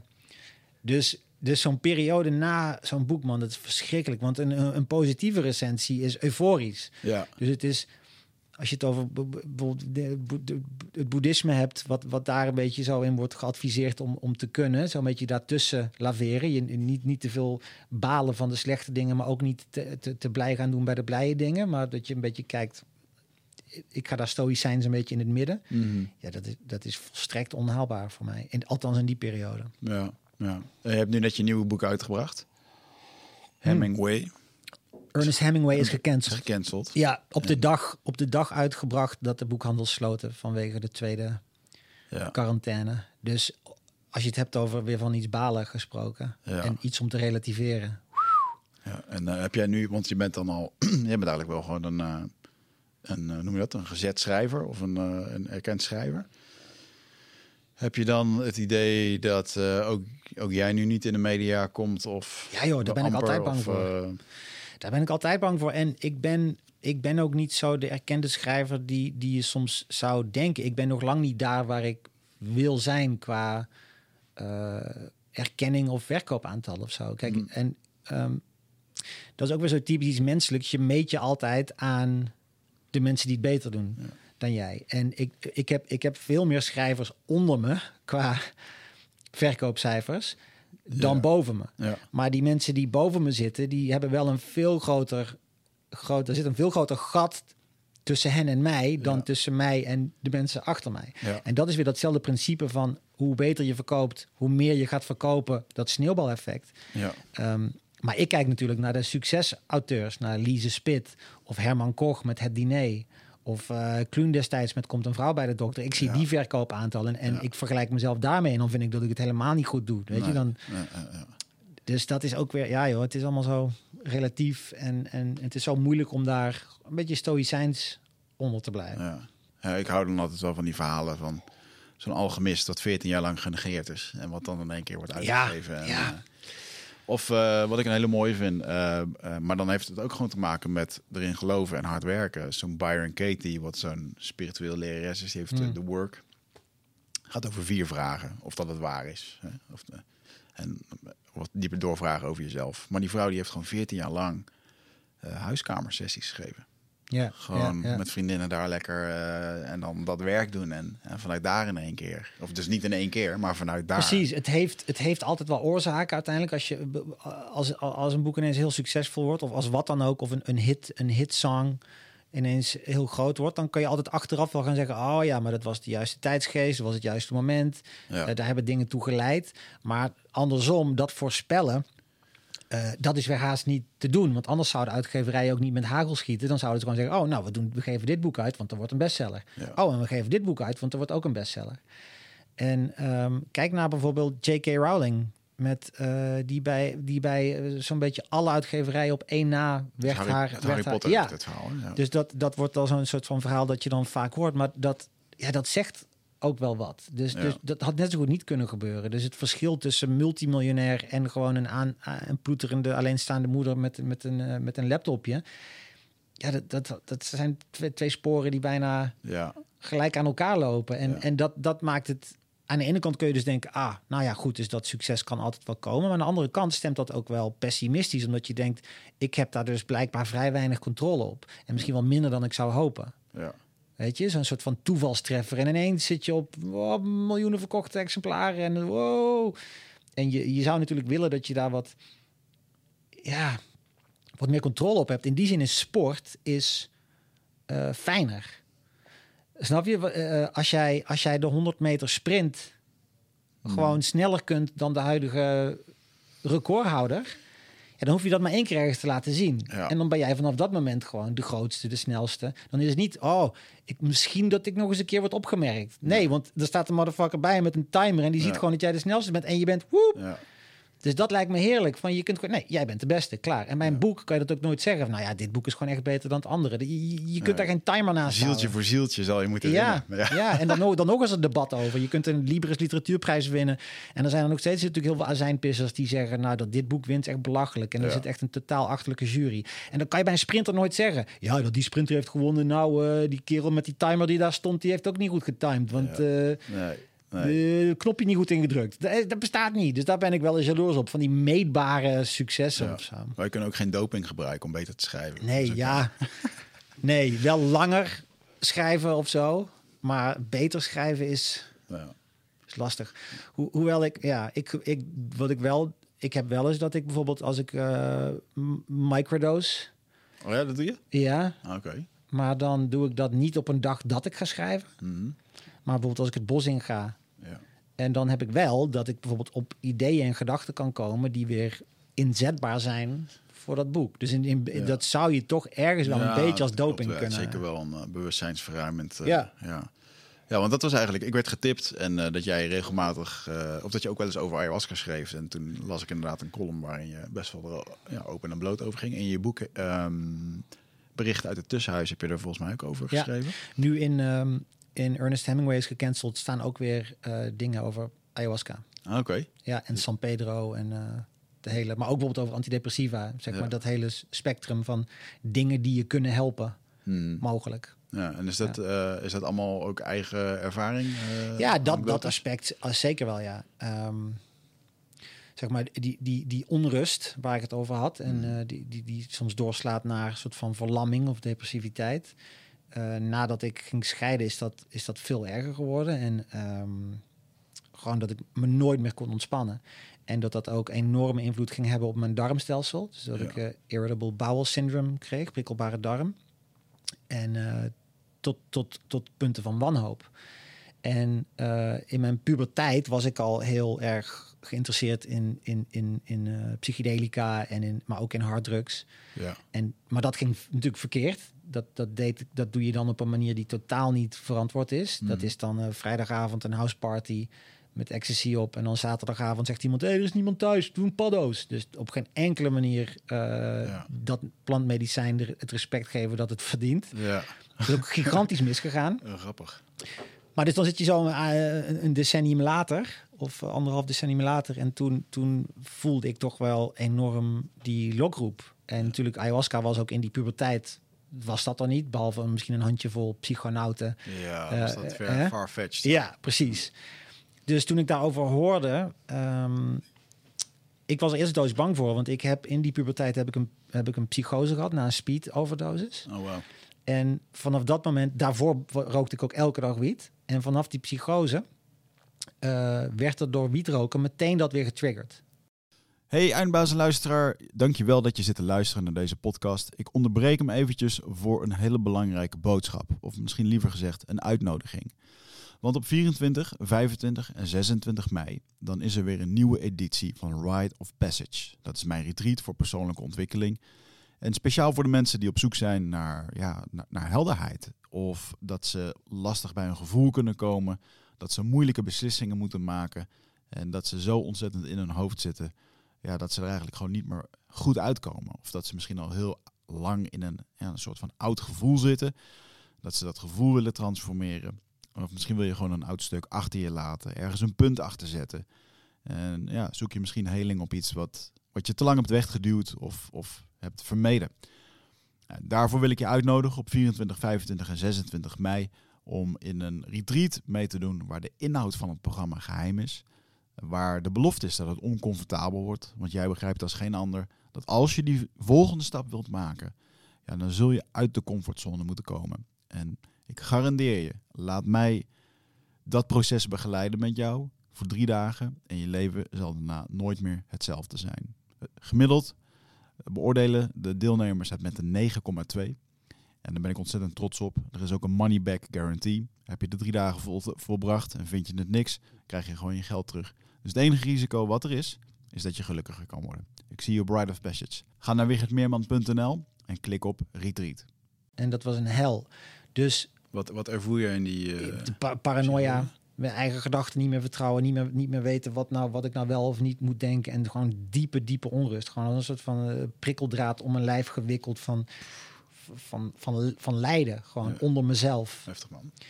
En eh, ja, ja, en eh, gek genoeg was na die periode, wat, wat ik, dus- waar ik dus, eh, wat voor mij beter was, was geest vernauwend. Want ik vertrouwde die, die gedachten niet meer. Die, die, die speedpsychose kwam ook na heel veel psychedelica, na heel veel paddo's, ecstasy. Dus dat was gewoon een soort van doorgebrand. Mm. Nou ja, je hebt zelf ervaring met ayahuasca. En als je dat, stel je voor dat je dat op een totaal ongecontroleerde manier doet, op een leeftijd ook nog dat je in ontwikkeling bent, Mhm. dat kan hartstikke fout gaan. Ja, zeker. Dus ik was daar heel bang voor geworden. Dus wat ik daarna vooral ging doen, was drinken. In, in de weekenden. Gewoon op stap drinken, want dat is geestvernauwend. En, dat, dan, hè? Ja. en coke en dat soort dingetjes een beetje erbij. En toen later, dus na die scheiding, dus wat ik, wat ik een beetje mijn eigen tweede psychedelische golf ben gaan noemen, is dat ik toch die aantrekkingskracht voelde van ayahuasca en, en daar dingen over zag. En toen heb ik een eh shamaan benaderd uit Rotterdam, die mij via via was eh, geadviseerd. En ehm, die heb ik gevraagd. Die heb ik eigenlijk gewoon dit verhaal uitgelegd. Van Mhm. hey, ik, eh, ik zit met heel veel dingen. Ik, ik, ik heb prikkelbare darmsyndroom. Ik ben altijd onrustig. Ik leid enorm onder mezelf. En ik, ik, ik voel gewoon dat ik, dat ik iets wil loslaten. Dat ik iets. eh, maar ik, ik ben heel bang om weer terug te komen in die, die psychose of in die, in, in die hel waar ik toen in zat. En mijn vrees is dat ik bij psychedelica dat ik dat niet in de hand heb en dat dat weer gaat gebeuren. Mm. En het was eigenlijk zijn antwoord waardoor ik, waardoor ik het voor het eerst durfde doen. En dat was dat hij gewoon meteen antwoordde en zei: Ik ken dit, ik weet wat jij hebt. Ik heb het zelf ook gehad. Ik kom zelf ook uit de party scene van vroeger. En ik wil je op het hart drukken en ik garandeer je dat, dat, dat dit niet dat is. En dat dit hier juist goed voor gaat zijn. Mhm. En eh, dat was een soort van de doorslaggevende factor. Ja. Ehm, maar dat kwam dus wel echt weer voort uit die. Ja, ik denk dat de meeste mensen die ayahuasca doen, die komen daar natuurlijk omdat, omdat ze ergens mee zitten of zo. Hè? Er, er zijn maar we- weinig mensen die, die, die daar komen en die zeggen: Nou, mijn leven is perfect en superleuk. En ik doe dit er gewoon eens een beetje bij om te kijken hoe dit dan weer is. Wat ook een valide reden zou zijn trouwens, maar die zie je minder. Ja. Als je mensen hun intentie hoort Dat was- uitspreken. Dat mijn reden wel destijds. nee, dat is ook, dat, ze zitten ertussen. Ik heb ze ook wel gehoord bij sommige ceremonies. Ik was, ik was op zich wel, uh, ja. Uh, Ja. Ja, nee, ja, ik ging daar gewoon, ik ging eruit heen, ik ging erheen uit experimenteel oogpunt. Ja.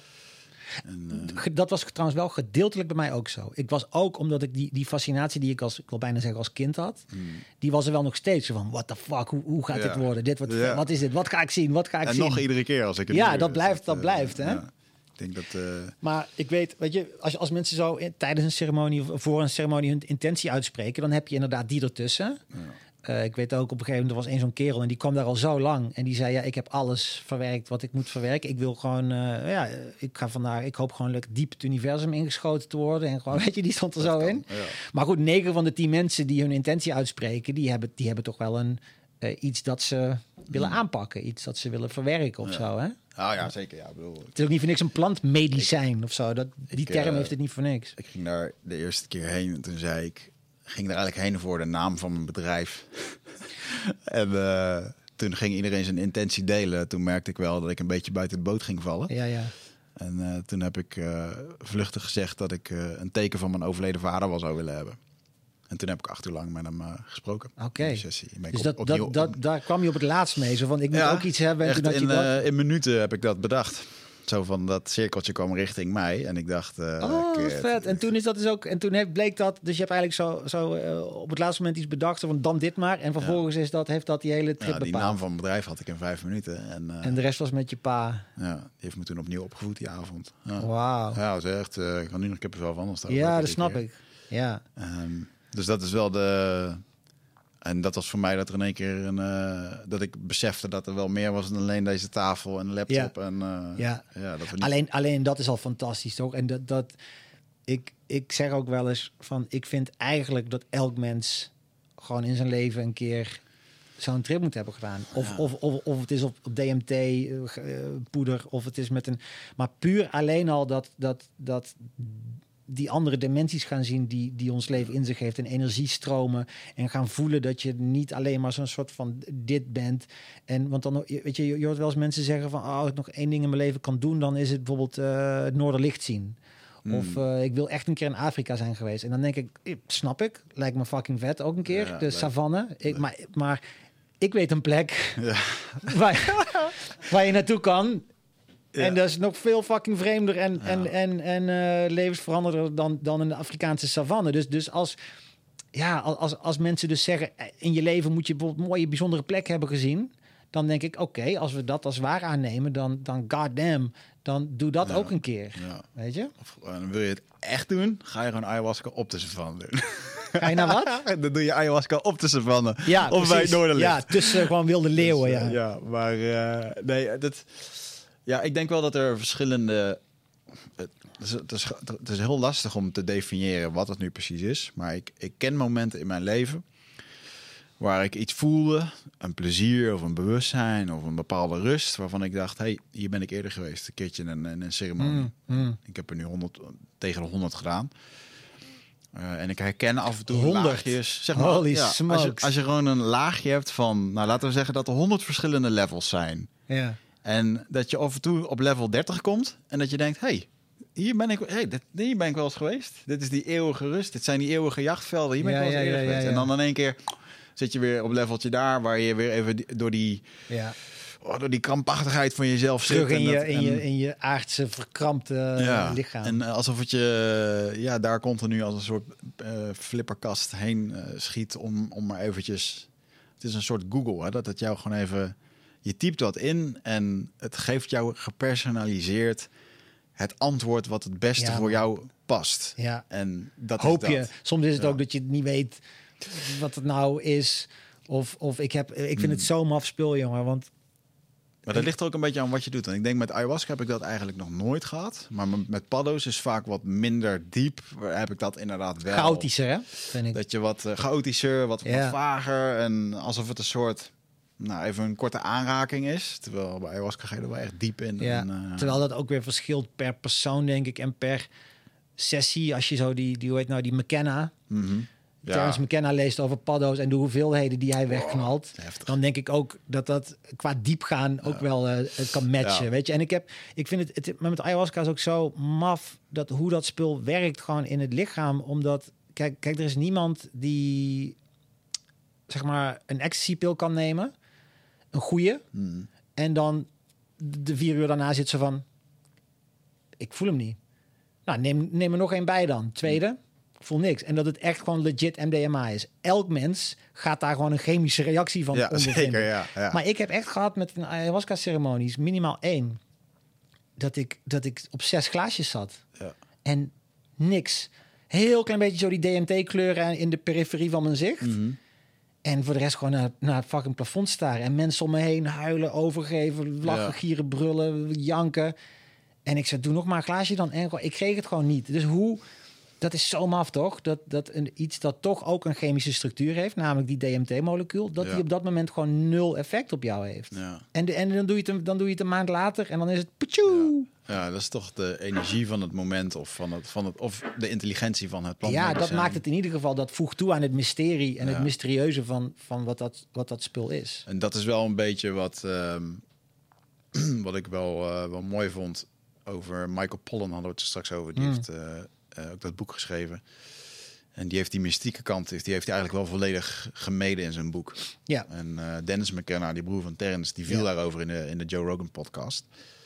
Ehm, en ik heb hem dat toen ook gevraagd. En dat, dat zei hij ook van ja, maar dan, eh, want anders dan blijft het, dan is het allemaal die mystiek, allemaal verschillende culturen, allemaal tradities. Dan is het niet meer eh, te omvatten wat het nou eigenlijk is. Ja, ik denk ook, ik denk dat hij voor het belang dat zijn boek heeft, Ja, eh, dat dit juist een hele goede aanpak was. Want anders wil je er alles in stoppen. ja. En dan is het ook weer te vaag voor wie de doelgroep nou is. En ik, wat ik heel prettig vond aan dit boek is dat, je, eh, dat het ook gewoon voor de, voor, de, voor de sceptici ja een goed boek is. zeker. En dat je ziet, oh, er wordt in ziekenhuizen mee geëxperimenteerd. En, want natuurlijk is het, is het spirituele aspect is heel belangrijk. Maar ik denk, als iemand door, als een sceptisch iemand door zo'n boek als dat van Pollen eh, dat pad vindt, dat spirituele stukje komt wel. Want dat is namelijk niet te voorkomen. Je kunt geen heftige ayahuasca-trip meemaken en dat heel sceptisch ondergaan en zeggen, nou, oh ja, nee, ik vond dit en dit, maar ik vond er verder weinig spiritueel aan. Ja.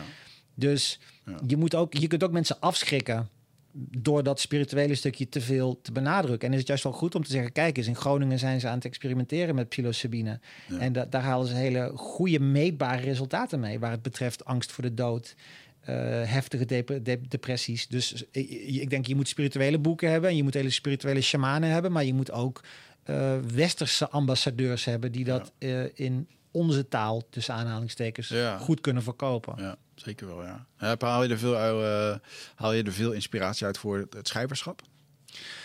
Ja, ja zeker. Ik denk z- die, die ayahuasca-ceremonie, zoals nu ook in Ernest Hemingway is gecanceld.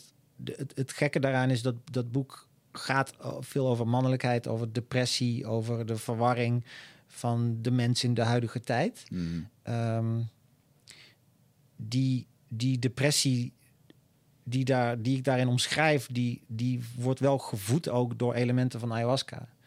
Eh, de chaos, het willen, de terugkeer naar, naar de chaos, naar de vormloosheid, dat soort thema's zitten er heel sterk in. En dat Ja. zijn absoluut dingen die je, die je tijdens ayahuasca kan ervaren. Ja. Dingen als eh, goed en kwaad op een heel elementair niveau. Ja. Dat ken jij ook, dat je, dat, dat je zeg maar het kwaad kunt zien in ayahuasca tijdens een reis. Hmm. Maar dat als je, als je dan zegt, ik hou ook van jou, dat dat kwaad een soort van opgaat Ja. of transformeert naar iets. Ja.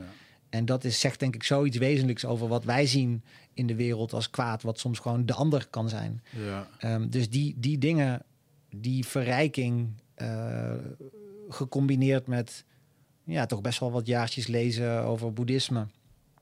Ehm, die, die, die, dat zijn absoluut elementen die terugkomen in mijn werk. Hmm. Zonder dat ik helemaal een soort van ambassadeur voor, het, voor, ja. voor boeddhisme ben of dat spul. Want ik, ik, kan er ook, ik ben er ook sceptisch over. Ik, Ja. kan ook, eh, ik kan ook wel enorm sceptisch zijn over soms het halleluja-gehalte dat mensen erbij hebben. Weet je, dat, dat is, maar dat het naar voren komt in mijn werk is overduidelijk. Ja. Ja, Ja.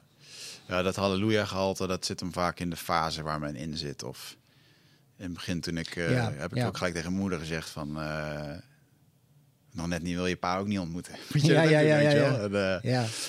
en, en als je de podcast luistert van drie jaar geleden, dan, dan was dit de oplossing voor iedereen. Maar dat is niet meer zo. Al denk ik wel dat.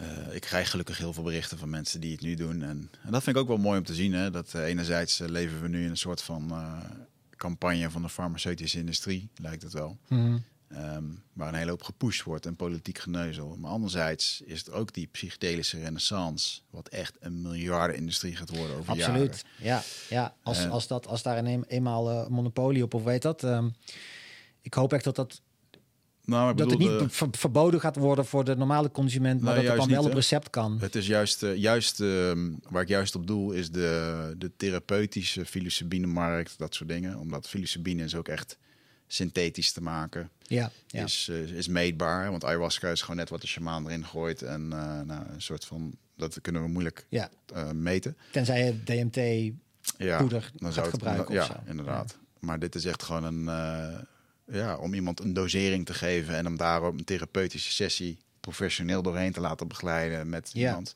Dus ik ken nu een jongen die zet, dat, eh, die zet een bedrijf op, eh Oké. Synthetis. Ja, daar worden gewoon miljoen investeringen voor opgehaald. Maar zie, zie, ben je daar sceptisch over of Nee. ben je daar op- optimistisch Daar ben ik over? juist heel optimistisch Oké, over. en Want- ben je niet bang dat de farmaceutische industrie dat ook gaat patenteren en dat je dat dan niet meer gewoon als consument ergens kunt Ja. krijgen, maar dat dat weer op recept per se moet, waardoor alleen maar bepaalde bedrijven daar nog macht. Ja, er- daar, ook daar is zeker wel weer een gevaar voor. Wat je nu heel erg ziet is dat bijvoorbeeld, eh, ik geloof in de antide- antidepressiva wereld, dat eh, een, een plant lastig te patenteren is, maar Mhm. wel weer een bepaald stofje. Ik geloof dat het stofje ehm 5H serotonine of 5-HTP in de. Mhm. Moet ik even zeggen of dat ik het zo. Ik durf even niet te zeggen of ik het goed zeg. Ehm, en misschien is het zelfs ook in aspirine, dat daar een bepaald stofje in zit, waar ze wel tegen hebben gezegd: oké, we willen niet dat iedereen dit gaat doen, Hmm. maar we hebben drie bedrijven aangewezen. Die hebben de patent op dit stofje. En daarmee kan je aspirine of antidepressiva maken. Ehm, en, en dan krijgt iedereen op die manier een soort toegang tot dat. Ja. Ehm, dat doen ze toch voor een stuk marktbewaking. Of iemand heeft me dat wel eens uitgelegd. Ehm, ik ben even kwijt hoe, hoe en wat de reden daarvan is. Maar hoe, hoe doet die, die, die kennis van jou dat met die, dus die, die psilocybine, Ja. psilocybine eh, capsules, eh, doet hij dat legaal? De- in Nederland mag het, hè? Psilocybine is niet... eh, maar gedroogde paddenstoelen zijn illegaal. ja, maar het zit ook in de truffel. Psilocybine. Oh, dus als je dat extraheert uit, uit truffels Dus, en je eh, hebt het extract, dan mag je dat gewoon legaal Of gebruiken. de truffel zelf mag je eten. Ja. Nee, dat weet ik. En, Maar ehm, En dit gaat dus wel over de... Zij doen het dus wel op de heroic dose, zoals... ja, ze halen de werkzame stof. 15 milligram. En zijn dat dan, dat zijn dan losse therapeutische sessies Ja. met echt gewoon een, een full-on trip. Ja. En dan een aantal sessies, elke week één of zo. Voorbegeleiding. En een grote grap is dat... of grote grap. Hij maakt er echt een bedrijf van. Eh, je betaalt 3000 euro voor zo'n retreat, wat drie dagen kost. Er zit een voortraject en een natraject. En zij proberen dit echt als eerste in de markt neer te zetten met het verzamelen van alle data. Dus ook de ervaringen die je hebt, die noteren zij en dan maken ze een soort database van. Ehm, om daar uiteindelijk eh, een, een bolwerk, een fundament voor te maken. Om straks te kunnen zeggen: jongens, we hebben gewoon in de afgelopen drie jaar 3000 mensen geholpen. Eh, er zijn heel veel Amerikanen, PTSD-veteranen en zo, die komen die hier komen daarvoor. hier om dat te doen. En dat is wat anders dan dat je 150 euro betaalt om in Nederland in een matje, op een matje te liggen tussen de kotsende Ja. mensen. Dat bestaat ook. Alleen Ja. dat zal nooit draagvlak krijgen eh, voor een miljoenen investeerder. Nee. Wat hun dus al wel Los hebben. van het feit dat het nu natuurlijk weer illegaal is, zelfs ayahuasca. Ja, was het altijd al. Hè? Alleen die twee kerken die mochten het schenken. En ehm, er zijn heel veel aanbieders geweest die altijd hebben gezegd: ja, maar wij zijn verbonden aan de kerk. Oh. Ja, dat was een heel mooi gedachtegoed waarmee ze dat goed praten. Maar juridisch gezien, Ik dacht dat het wel een hele periode was dat gewoon iedereen het kon aanbieden, die shit. ja, het was, werd gewoon gedoogd. Ja, ja, maar het was ja. altijd illegaal. Het was een gedo- Maar wat ik me afvroeg, want ik vind het wel boeiend wat je vertelt. Ik, ik kwam natuurlijk zelf ook al gewoon lang met psychische shit. En, Mhm. en daar had die hele ayahuasca zoektocht mee te maken. San Pedro in, eh, in Ecuador. Ja. Eh, maar inmiddels aan antidepressiva toch weer. Dus Hmm. dan, dan eh, zie je ook hoe dat, hoe dat kan lopen. Oh, wauw. Ja. Ehm, maar wat ik me afvroeg is, die, die, de, zei nou dat dat een driedaagse retret is? Mhm. Want daar ben ik soms dus wel een beetje sceptisch over. Omdat... Maar het is één dag gebruiken. Eén ja, dag, nee, snap ik. Want anders ja. heb je ook tolerantie opgebouwd meteen in het geval van... van Psilocybine wel, ja, ja. ja, zeker. Ja. Ehm, maar ik ben soms sceptisch over die eendags transformaties. Omdat Mhm. dat, dat merkte ik ook vaak. Dat was ook wel, wel heel goed was aan mijn shamaan destijds, die in Rotterdam. eh, je, wordt wakker na zo'n na zo'n ceremonie. Je zit aan het ontbijt en je gaat met dat gevoel naar huis dat jij ook had. Gewoon van dit is zo goed voor mij geweest. Mhm. Ehm, maar dat vasthouden. Mhm. eh, dat uiteindelijk moet je toch zelf het werk daarna ook weer doen. Dat weet je ook. Ja. En dat gevoel vasthouden en niet terugglijden is nog best lastig. Maar is moeilijk. Dus Ja. daarom ben ik soms wel sceptisch over, over zoiets van een eendags eh heroic dose psilocybine. En eh, dat het dan daarna goed is. Ja. Weet je, dat, dat, dat, Dat is ik ook niet de belofte. nee, Maar het is natuurlijk wel gewoon mensen die in dat is wel wat ik zou willen. Ja, en het kan. En de verhalen zijn Ja, nee, kan. precies, ja, En, en ja. ik ben ook, eh, toen ik in een burn-out kwam, terwijl ik ook regelmatig ayahuasca deed, dat mensen zeiden van, nou, maar als het dan zo goed voor je is, eh, waarom heb je dan een burn-out? Ja, goede vraag. Ik geef mensen ook wel eens heel goed bedoeld advies en die zie ik er nou ook gewoon stomme dingen Ja. doen. Ja, weet je. En ja, Ehm, ik denk dat ehm, zeker in de momenten dat ik eh, die burn-out had, heb ik ook ayahuasca gedaan om me beter te voelen. Drie weken daarna weer, drie weken daarna weer. Ja. En toen heb ik een keer een avond gehad dat het plantmedicijn tegen me zei: Je bent het nu aan het misbruiken, je krijgt vanavond helemaal niks. Ga Ja. maar gewoon rusten. ja.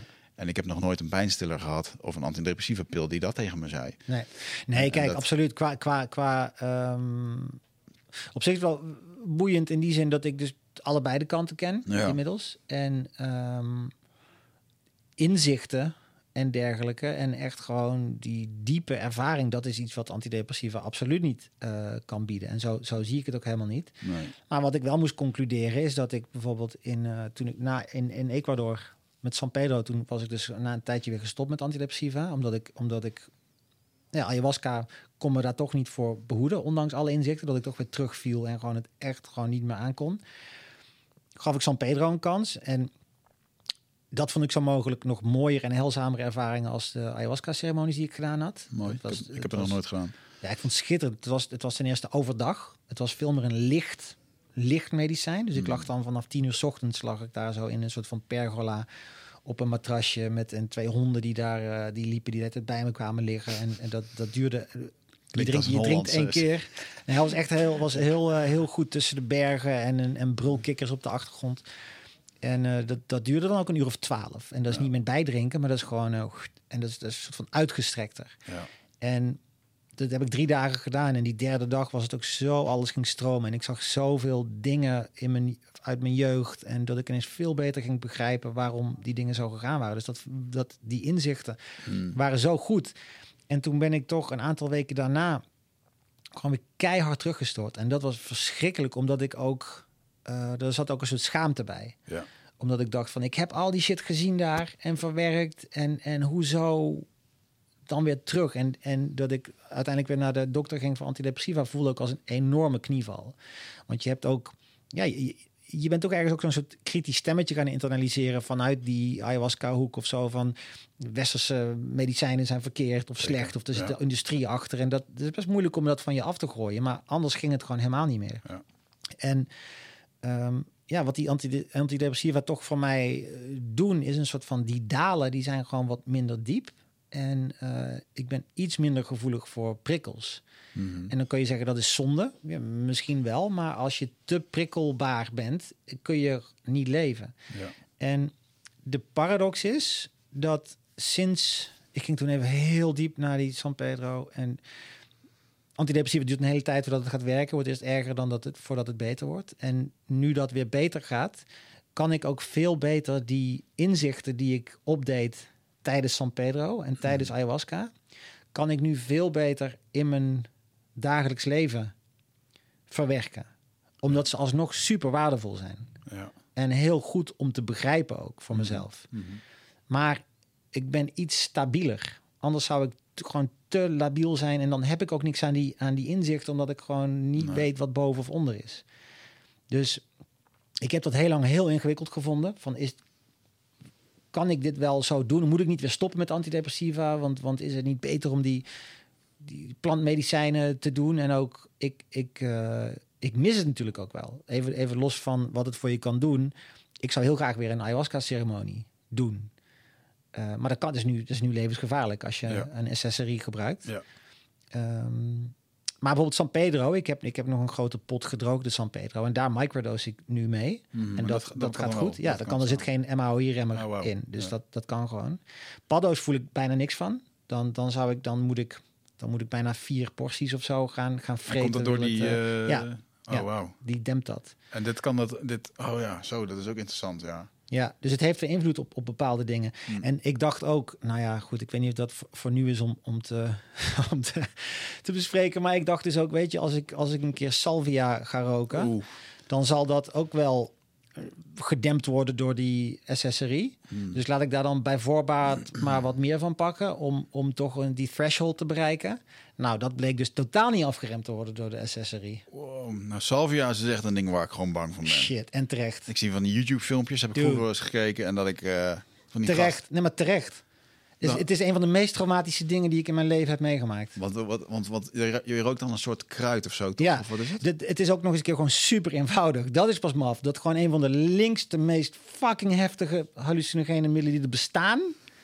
Die koop je gewoon bij de fucking Smart Shop in elke stad. Ja. En die hoef je niet in een moeilijke crackpijp te roken zoals DMT of zo. Dat doe je gewoon in een fucking hashpijpje en je knalt er een aansteker op en het is Wow. Ik heb wel eens gehoord van mensen die dat... Je zit er een kwartier in of zo, toch? Ja, maar dit, maar het zegt duurt niks. 24 uur Ja, of het ma- zo. maakt niet uit. Het is, de- een kwartier betekent niks als je gewoon compleet uit de werkelijkheid bent los, los, losgezongen en, en in, in, in dood zou. Ik dacht, ik kom nooit meer terug. Ik, ik, ik, ik, ik was zodra dat spul begon te werken, zodra ik weg was, was ik al vergeten dat ik iets gerookt had. Het hele idee van iets roken of iets gebruiken bestond al niet meer. Ik zat vast in een fucking andere dimensie die super pijnlijk was. Ik zat vast in een soort mechanisch ding. Niet met een lijf, maar met, Ja. met mijn bewustzijn. En er zat een soort intelligentie achter me die daar ook niks om, om gaf. En het was alsof die zo'n soort van... oh, er is iemand weer uit die andere dimensie in deze gevallen. Maar dan fucking jammer dan. En ik, aan alles aan mij... Nou ja, ik kan zeggen mij, maar dat was natuurlijk niet echt aan mij. Maar gewoon het was volstrekt denkbaar en aannemelijk dat ik daar vast zat. Dat het feit dat ik nu in deze werkelijkheid leef was, is toeval. En aan het verkeerde knopje zitten en je zit in die. En dat is dan jammer. Dat is dan gewoon jammer. En dat is ook wat die, die wezentjes soort van eh, totaal ongeïnteresseerd in mijn leed. En ik dacht... eh, eh, En ik, ik wist niks meer. En toen pas heel langzaam kwam er... Op een gegeven moment begon ik iets... Want het was een soort van tweedimensionale kleur ook alleen maar. En op een gegeven moment zag ik iets van een patroon. En toen dacht ik zo, wat, ik ken dit patroon, ik ken dit patroon. En dat was gewoon mijn bank, was gewoon de stof van mijn bank uiteindelijk. En toen kwam er dus zo de werkelijkheid een beetje terug. En toen kwam er pas het moment dat ik, dat ik ineens me herinnerde... Ik heb iets gerookt. Ik heb iets gerookt. En dat was al, dat was al een soort van totale... Fuck, ik heb gewoon iets gerookt. Daarom, daarom was ik daar. Dat was ik helemaal vergeten. Er was, er was helemaal geen roken of... Heftig, man. En daar heb ik dagenlang mee... En nog steeds eh, draag ik dat echt totaal bij me. Dus die gaat niet nog een keer gebeuren. Ja, weet ik niet. weet ik niet. Misschien, eh, misschien minder een keer. En ook bijvoorbeeld eerst en gewoon even inhaleren en weer uitademen en kijken wat het doet. Want ik deed echt zo. De, de, de, ik deed zo van, dit moet je doen, dit moet je doen om door die portal te gaan. Namelijk met zo'n dikke gas aansteken erop met drie stralen. Ja, ja. En zo lang mogelijk inhouden. Dus dat deed ik braaf. En ik eh, weg op een dinsdagmiddag gewoon. De- gewoon een dinsdagmiddag. Ik kwam terug uit de stad en ik fietste. Serieus, zo ging het. Ik fietste langs een smartshop en ik dacht, ik dacht zoiets van, ik wil wel eens een beetje iets proberen of iets doen. Dus ik liep daar gewoon binnen en ik zeg zo, wat is dat salvia eigenlijk? En, en, dan zei hij, ja, dat is wel een apart spul. Ik zei, nou, ik heb wel ayahuasca gedaan, LSD. Hij zo, ja, het is wel iets anders. Maar als je dan de lichtste vorm pakt of zo, dan valt het wel mee. Dus ik dacht echt, ik zit aan antidepressiva, ik heb de lichtste vorm. Het spul werkt maar een kwartiertje. What could go wrong? Well, everything can go wrong. Ja. ja. Als je dit En dan ga je daarna inderdaad googlen naar, naar, naar gebruikerservaringen. Er zijn mensen die zijn twintig jaar voor hun gevoel hebben die hun, hebben die hun weg terug naar de normale werkelijkheid moeten vinden. Die hebben, die hebben het gevoel gehad dat ze twintig jaar lang terug door een soort hel moesten komen om hier überhaupt weer hier in dit lichaam te komen. Ja, Dat is fucking nachtmerrie, man. ja, ja. En het, ehm, het, het lijkt ook nogal... Een van de redenen waarom ik het ook helemaal niet aantrekkelijk vind... is dat er niet een hele heldere boodschap in zit. Kan ik dus nog niet Vaak. kan ik nog niet, nee, kan ik niet concluderen na die ene keer. Ik denk ook, daar zal, daar zal ook wel een soort cosmic spirit. Misschien is het wel een evil spirit, misschien is het, I don't know man. Maar ehm, ik heb er toch wel iets, ook iets goeds aan overgehouden in die zin dat sindsdien is heel, ik weet niet waarom dat precies is, maar de, de werkelijkheid dat ik ooit ga sterven Oh, ja. is daardoor aannemelijker geworden. Hmm. Omdat dat totale ongeloof van hoe kun je, hoe ik zit hier, ik kan gewoon compleet uit, de, uit, uit deze werkelijkheid gerukt worden en ergens anders vastzitten. En voordat ik dat had meegemaakt, blijft de dood toch iets abstract. Je, je gaat toch altijd het associëren of, of, of meten aan wat dit dan is. En Ja. hiernamaals ga je toch een beetje koppelen aan dit. Een soort van, je hebt hetzelfde gevoel nog. Of... En dit was echt een soort, dat kan gewoon. Ja. Je, je, kunt er, je, je kunt gewoon keihard hieruit gerukt worden. Dat alles wat je kent en doet. En dus de, de dood is, dat gaat een keer echt komen. En dat gaat, dat gaat definitief en echt zijn. En dat, dat, dat besef ik een stuk beter sinds die Salvia-trip, gek genoeg. En dat is tegelijkertijd beangstigend, maar ook, ook ergens misschien wel goed. Dat ik nu echt weet, ja man, dat gaat, dat is echt, dat, Ja, we zijn een keer echt ergens anders en niet hier. ja. En, is- en, en ook, maar ook wel met een soort angst van, dat hoeft niet eens per se fijn te zijn. Snap je wat ik bedoel? Het is ook, het is ook, het is ook een heel wenselijke gedachte om te denken, als je hierna dit, dit lichaam van verlaat of wat dan ook, stel dat er is iets als een hiernamaals, dan is dat prettig en rust en ben je één met alles. Ik ben wel daar banger nu voor geworden, omdat ik denk, ja, misschien is het dat, of het is voor de rest van mijn leven daar vastzitten in die fucking mechanische hellhole. Mm, ja, ja, al. Ja, dat zou kunnen. Ja, je weet- ja, je weet het either way, weet je, wat Ja. we hier ook gaan filosoferen. Ja, nee, allemaal. dat, nee, precies. Ja. En ik denk wel dat ook mijn... eh, ik heb toen een hiernamaals, een eh, rondleiding gehad in het hiernamaals van mijn vader. Omdat ik eh, ja, toch onbewust wel een hele grote angst voor de dood had. Ja, ja En ik. meerdere keren nu wel op die, op die... Dat is weer dus een van die honderd treden dat ik daar wel zit. Oh ja, dit is die eindeloze rust en die vrede. Hmm. En, en vorige week had ik nog een keer dat ik echt gestrest was over dingen. En dat ik dan probeer ik even terug te visualiseren. Oké, nou stel nu dat, ik, eh, dat er morgen wat gebeurt. En dan, dan ben je daar. Dan maakt dit alles maakt helemaal geen fuck Ja. uit, weet je wel. Dus dat dan, Maar wat heerlijk. Ik zou natuurlijk ook, dat is natuurlijk wat elk mens zo graag zich voorstelt bij sterven. Hmm. Dat daar een soort rust, eh, het uiteenvallen van, van vorm en gewoon een soort kalme zee. En dat doen we natuurlijk al sinds wij eh, sentient beings zijn geworden en kunnen de dood kunnen complementeren. Ja. Is dat natuurlijk wat we het allerliefst willen. Maar Ja. wat ook. eh, ja, en, en misschien, misschien dat jij nu sinds die ervaring met ayahuasca dat daar echt ook in gelooft. Dat lijkt me heerlijk. Ja. Maar ik, ik, ik, ik kan nog niet zeggen dat ik dat, ik dat echt geloof. Ik, ik blijf ook nog wel een, een, eh, een kind van mijn westerse cultuur, mijn atheïstische opvoeding. Ja. Dat zit er ook nog wel in. Dat ik toch denk, eh, ja, maar waarom zou na de dood niet als het ware hetzelfde zijn eh, als voor je geboorte? Weet je, Ja. dus, dus het totale ontbreken van bewustzijn en Ja, het Ja, hele wazige wat ik vind is van eh, Alan Watts, die zei dat wel eens mooi. Dat er komt een keer een dag dat je voor de eerste keer je ogen open doet. Maar er komt ook een keer een dag dat je je ogen sluit. En dat je gewoon niet meer die ogen open doet. Ja. En, dan, en dan toch doe je ze ergens reïncarneren als je daarin gelooft. Dan, ja, dan is dat een hele wazige transitie Ja. wat daartussenin gebeurt. ja man. En, eh, ja, En ik vind, het, ik vind al die, de, zeg maar, alle spirituele theorieën die daarover gaan, vind ik super boeiend. Mm, En eh dan kan je soms ook een beetje hoop uitputten. Ik ga dan toch al snel zo van, ja, ik, ik hoop echt dat dit het is, weet je. En, Ja. en ook dan best wel grote kans ook, ga ik dan denken. Is natuurlijk ook wishful thinking. ja, ik voel me er ook wel beter. Maar goed, ik voel me er wel beter door. Dus ja, waarschijnlijk praat mijn ego ook wel een heel mooi Ja, romantisch indianen Ja. mythe. eh, Uite- uiteindelijk weten we het niet. Het, ik, ik denk de enige troost of zo die je misschien kunt hebben, eh, waar je wel echt van uit kunt gaan, is zeg maar in het, in het ergste geval, eh, is het inderdaad als voor je geboorte. Namelijk eh, een soort van niks. Eh, maar, maar dan is dat in ieder geval ook niet pijnlijk. nee. En dan is er ook geen bewustzijn dat iets kan missen. Nee. Weet je, dan is er ook niet, eh, oh man, nou ben ik hier en ik was eerst in leven en ik mis die en die. Als, als dat allemaal wegvalt, Ja. dan is er ook niemand meer om daar echt rouwig om te zijn of om, Nee. om daarvan te balen. Eh, Maar het, dus- zou, het zou voor mij te simpel zijn voor wat er allemaal... nee, voor mij ook. Maar ik bedoel, het, in het ergste geval is het dat. En dan is het nog steeds geen ramp. Want er is niemand meer om het een ramp te vinden. Nee. En alle andere, alle andere opties zijn eigenlijk een soort van mooi meegenomen. Want die gaan uit van iets dat doorgaat in welke vorm dan ook. Als het maar niet die machinale salvia-wereld is. Dan Ja, die, die rare wezentjes die totaal... Ja. ja. Heb je wel eens eh, eh, het idee gehad dat, eh, dat jij met jouw DNA-blauwdruk systeem, hoe jij werkt hier in, het, eh, in onze huidige maatschappij, dat je moeite hebt om te aarden? ja, Met alle regels en structuren en dingen die... eh, nou, bijvoorbeeld nu is een tijd. Ik merk nu dat ik gewoon... eh, bij mij wordt er echt op al mijn fucking knoppen geduwd. Als het gaat om vrijheid en dingen niet kunnen doen en moeten. En met de quarantaine bedoel je? Ja, ja, bijvoorbeeld. Maar ook Ja. gewoon wat je ziet wat er gebeurt. Hè? Mensen die beslissingen voor ons maken in de Ja. naam van. En dan denk ik, nee, het is gewoon niet oké, weet je wel. En eh, ja, ik kan er wel... ik heb er wel Nee, moeite mee. Ik heb dat wat minder, denk ik. Omdat...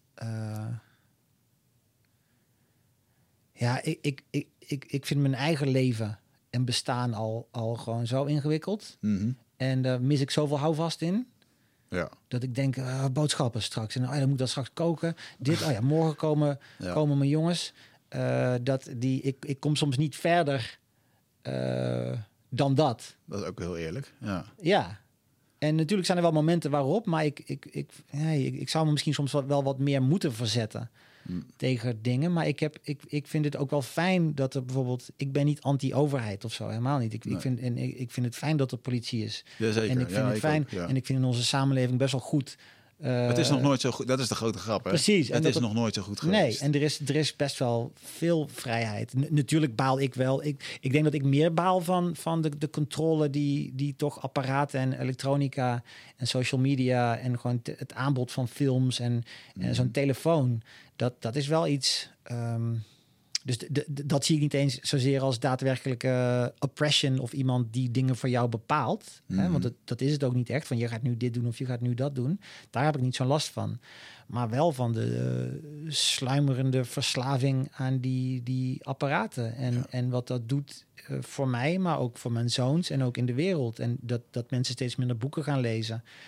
Eh, heeft daar natuurlijk ook mee te maken. Dat voelt voor mij wel als een soort verlies. Ja. En een soort sliding scale waarvan ik me afvraag... eh, niemand van ons weet nog tot hoe diep die sliding scale gaat. En waar Ja. we dan in uitkomen. Wat, wat gaat dat doen met je concentratie? Met verstilling? eh, zoiets als je vervelen. Ik, ik, kan dat, ik kan het heel moeilijk vinden om, om bij mijn zoons te zien...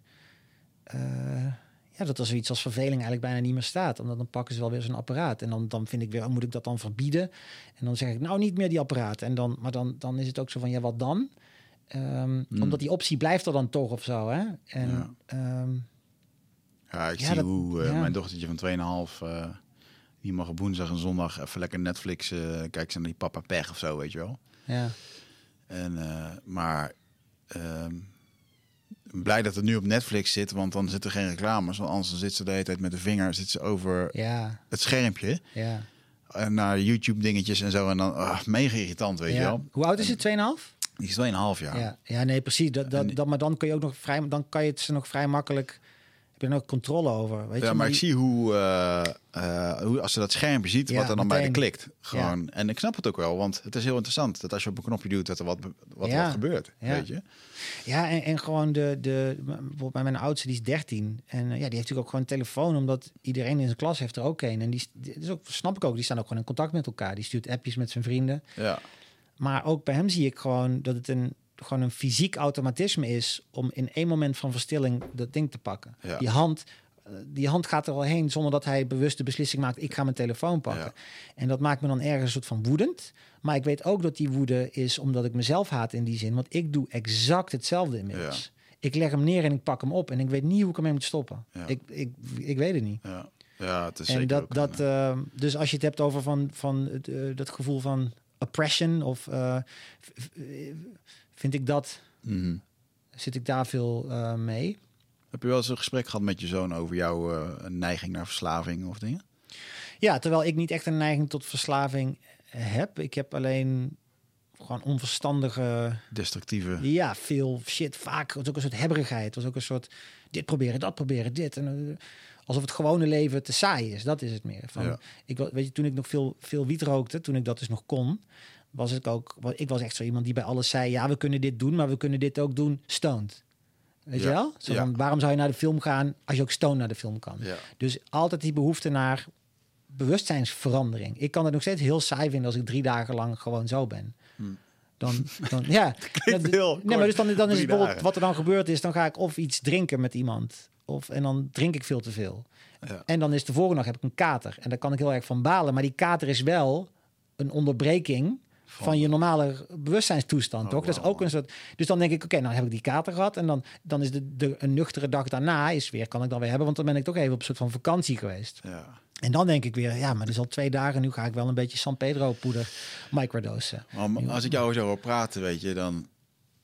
ehm, bedoel, sommige, sommige mensen noemen, noemen mij een aparte eend in de wijn, maar in de vijver. Maar eh, ik heb wel het idee dat, dat je wel een soort van gevecht met jezelf Ja. hebt. Ja, joh, de En- hele tijd. En dat is een gevecht. Als ik er dan zo naar zit te luisteren, denk ik... Wow, ik ben gezegend dat ik dat, ge- dat gevecht niet hoef te Mm. leveren. Ik heb al mijn eigen andere dingen. Maar eh, ja, Nee, absoluut. Ik, ik, ik vind het echt hard werken. Mm. Gewoon überhaupt in, in leven zijn, vind ik, vind ik echt hard werken. Ja. ja. Ja. ja. Heb je wel eens gedacht aan, eh, om, eh, om uit te stappen? Gedachten gehad? Ehm, nou, de- toevallig in dat laatste boek, ehm, da- daar loopt een hele verhaallijn in over het verlies van een vriend die zelfmoord pleegde. Ehm, ik begrijp, ik heb er nooit echt aan gedacht van ik concreet, ik ga dit doen. Mhm. Maar ik snap wel net iets te goed wat daar de aantrekkingskracht van is. Ja, Eh, opgeven. ja, Dus een, een laatste keer diep uitademen en denken, eh, ik, ik laat het los. ja. Ja, dat wel echt een diepe behoefte aan een, aan een vorm van ontspanning die, die ik niet kan vinden. En, en een, een vorm van ontspanning die je misschien wel inderdaad gelijk zou kunnen stellen aan eh, ja, de behoefte naar jouw soort hiernamaals. Ja, Ja, ja, zeker wel. ja. Ja, want dat is wel iets wat natuurlijk gewoon... eh jij praat over masculiniteit eh, in jouw boek. En ehm, eh, ik ben van mening dat we nu echt in een samenleving worden geduwd... waar eh, alles moet kunnen. Waar de, gewoon de natuurlijke wetten die we eigenlijk altijd hebben... of de natuurlijke rangorde, die wordt in één keer... door een soort van politieke correctheid wordt die weggevaagd. Hm. Ehm, of het nu genderneutraliteit is, of dat eh, als een man zegt dat hij graag zwanger wil worden, dat dat moet kunnen en zo. Weet je, ik heb daar wel gewoon een idee over. Mhm. En, en, en ik begrijp ook wel weer de, de. Wie zei dat nou? Iemand zei dat ooit hier. Van ja, we kunnen deze discussies hebben omdat we het zo goed hebben. ja, nee, absoluut. Weet je? En, eh, Dat is zo. Dat is zo. Dat, ehm, en enerzijds is dat natuurlijk een mooie, mooie ontwikkeling. En ehm, eh, voor mij gaat het er vooral over dat iedereen eh, gelukkig is. Maar ik denk wel dat, ehm, dat het wel heel giftig is. Zeker voor ook de masculiniteit. Hè. Wat wordt er nou geleerd om een man te zijn? Ik heb hier hele boeken over. Wanneer ben je nou een man? Definieer dat als voor jezelf. En, en hoe dat wordt gedefinieerd. En is het nodig om, om die definitie... Voor jezelf denk ik wel helder te hebben, ja. Ja, ik, ik denk ik vind het, de, daar gaat het in mijn boek inderdaad heel veel over. Ehm, wat, ik, wat ik vooral in dat boek wil communiceren is, is de verwarring. Mm. dus niet zozeer, dit vind ik er fout aan, dit vind ik er goed aan, maar meer verwarring. Gewoon dat zo goed weten. En ik denk, ehm, wat er wel een beetje misgaat of wat over het hoofd wordt gezien, is dat die bepaalde behoeftes die een man inderdaad kan hebben om, om een soort van tussen aanhalingstekens mannelijkheid te voelen en te hebben en te ontdekken, dat dat uh, wordt geassocieerd met iets dat niet meer van deze tijd is. Ja. En dat het andere wel van deze tijd is. Maar ik ben, ik ben dus helemaal niet anti of tegen dat andere. Ik vind het, ik vind het heel begrijpelijk en prima als jij je meer een vrouw voelt en uh, daar een operatie voor wilt, wilt laten doen, dat vind ik helemaal prima. Zeker. Ehm, wat ik alleen niet fijn vind, is als, uh, als dat gepaard gaat met een soort ideologie of doctrine waar je überhaupt geen vragen over mag stellen. Mm -hmm. Of uh, dat ik bijvoorbeeld wel denk dat er, een, dat er ook echt wel biologische verschillen zijn tussen mannen en vrouwen, algemeen genomen. Ja. Uh, dat dat wordt gezien als een giftige mening die een ander kwetst. En dat ik daardoor dat niet zou moeten uitspreken. Dus dat is dat soort censuur. Vind ik heel eng. Ik vind, iedereen moet doen wat hij wil en vinden wat hij vindt. Maar ik wil graag ook mijn ideeën daarover kunnen hebben.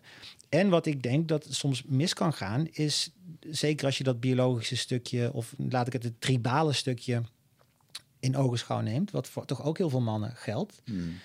Uh, namelijk, vroeger moest je jagen, dorp verdedigen. Je, je, je liep veel, je had veel lichaamsbeweging. Uh, dat ging gepaard met een bepaalde vorm van voldoening krijgen. En um, dus dit geldt, geldt helemaal niet voor elke man. Want elke man moet zich, die voelt zich zoals hij zich voelt. Maar ik denk dat veel depressie en verwarring bij veel mannen voortkomt uit dat dat stukje niet meer hebben. En niet zo goed weten waar die voldoening dan uitkomt. En um, dat vind ik dat zo van ja, maar dat, daar het over hebben is zeuren. Of dat telt niet echt. Of dat is ouderwets. Um, terwijl de, de, zelfmoordcijfers van onder mannen zijn vier à vijf keer hoger dan bij vrouwen. Mm. Vooral witte mannen overigens. Um, ik, ik wil niet zeggen dat ik weet hoe dat komt. Maar wat ik wel frappant vind is dat daar dan eigenlijk geen ophef over is. Of niet dat er niemand zegt van wat is hier aan de hand en moeten we daar niet eens naar kijken. En ik heb het antwoord ook niet. Weet je, ik, ik vind het ook nog. Ik heb twee zoons ook, dus ik ben ook die mannelijkheid of, of wat is een man, uh, vind ik ook bij de opvoeding van mijn eigen zoons heel lastig soms, omdat uh, ik wil ze vloeibaar opvoeden, ik wil ze liefdevol opvoeden, ik wil ze met, met, met dignity wil ik ze opvoeden, respect voor een ander. Maar ook, ik, ik betrap me er ook wel op dat als, als ze worden gepest door iemand of ze krijgen een klap, dat ik dan, dan weet ik eigenlijk niet zo goed of ik wil zeggen: nee, dan moet je nooit terugslaan en dan moet je naar, naar de autoriteit of zo. Ik, ik, want ik weet zelf hoe het is om geslagen te worden en niet terug te slaan als, mm. als jongere. Mm. En dat kan enorm vernederend zijn. Zeker. Ja. Heel destabiliserend. En pas toen ik zelf ging boksen en uh, het een keer niet meer pikte, dat was voor mij heel belangrijk. Ja. Nou, dan kun je natuurlijk redeneren, überhaupt zou dat vechten niet nodig moeten zijn. Daar ben ik het ook mee eens. Maar die, mm. we leven nog wel in een wereld waarin dat kan. En waarin dat toch voor mijn gevoel van eigenwaarde... Voor mij was het belangrijk om om een keer terug te mappen. Ja, dat snap ik. Um, dus, dus masculiniteit, en ik heb geen idee wat dat is of hoe dat moet. Maar ik weet wel dat je, dat, er, dat, dat, je hebt een drang soms en er zijn behoeften. En uh, het gevoel van zingeving, wat dat voor iemand dan ook is, is heel belangrijk. En als jouw vorm van zingeving zoeken geen plaats heeft, uh, dan kan dat verkeerd gaan. Dan kan dat of uitmonden in depressie of radicaliseren. Mm. Dat je je aansluit bij een groep die wel knokt. Ja. Die wel vecht. Die wel de vinger, die de vinger wijst naar een ander. Dat, zijn, dat, dat gaat er verkeerd aan dit land. Want die drang om te vechten, die kun je of kanaliseren. Jij doet Brazilian Jiu-Jitsu, toch? Ja, nou, dat kan je doen. Maar je kan ook die woede gaan zoeken bij een alt-right club. En gaan zeggen: het zijn de fucking binnenkomers, de nieuwkomers. En ze geven huizen aan de, aan de mensen die er net komen. Daar kan je hem ook kwijt. Dus ik- dat, ik, ik zie daar al snel de. de Ik vond de, de Dat middelbare school vond ik best wel een, eh, een heftige tijd ook om. Ehm, was ik daar op school en dan had ik wel vriendjes. En die, die, die, die kon ik daar de, een moment maakte die iets kwetsbaars mee of wat dan ook.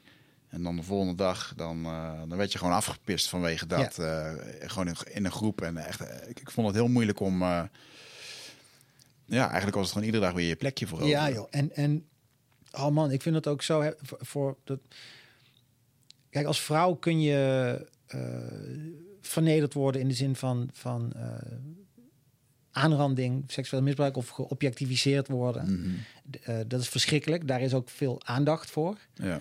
Waar weinig aandacht voor is, is de vernedering die een man kan voelen ja, aan de hand van een andere man. ja, zeker.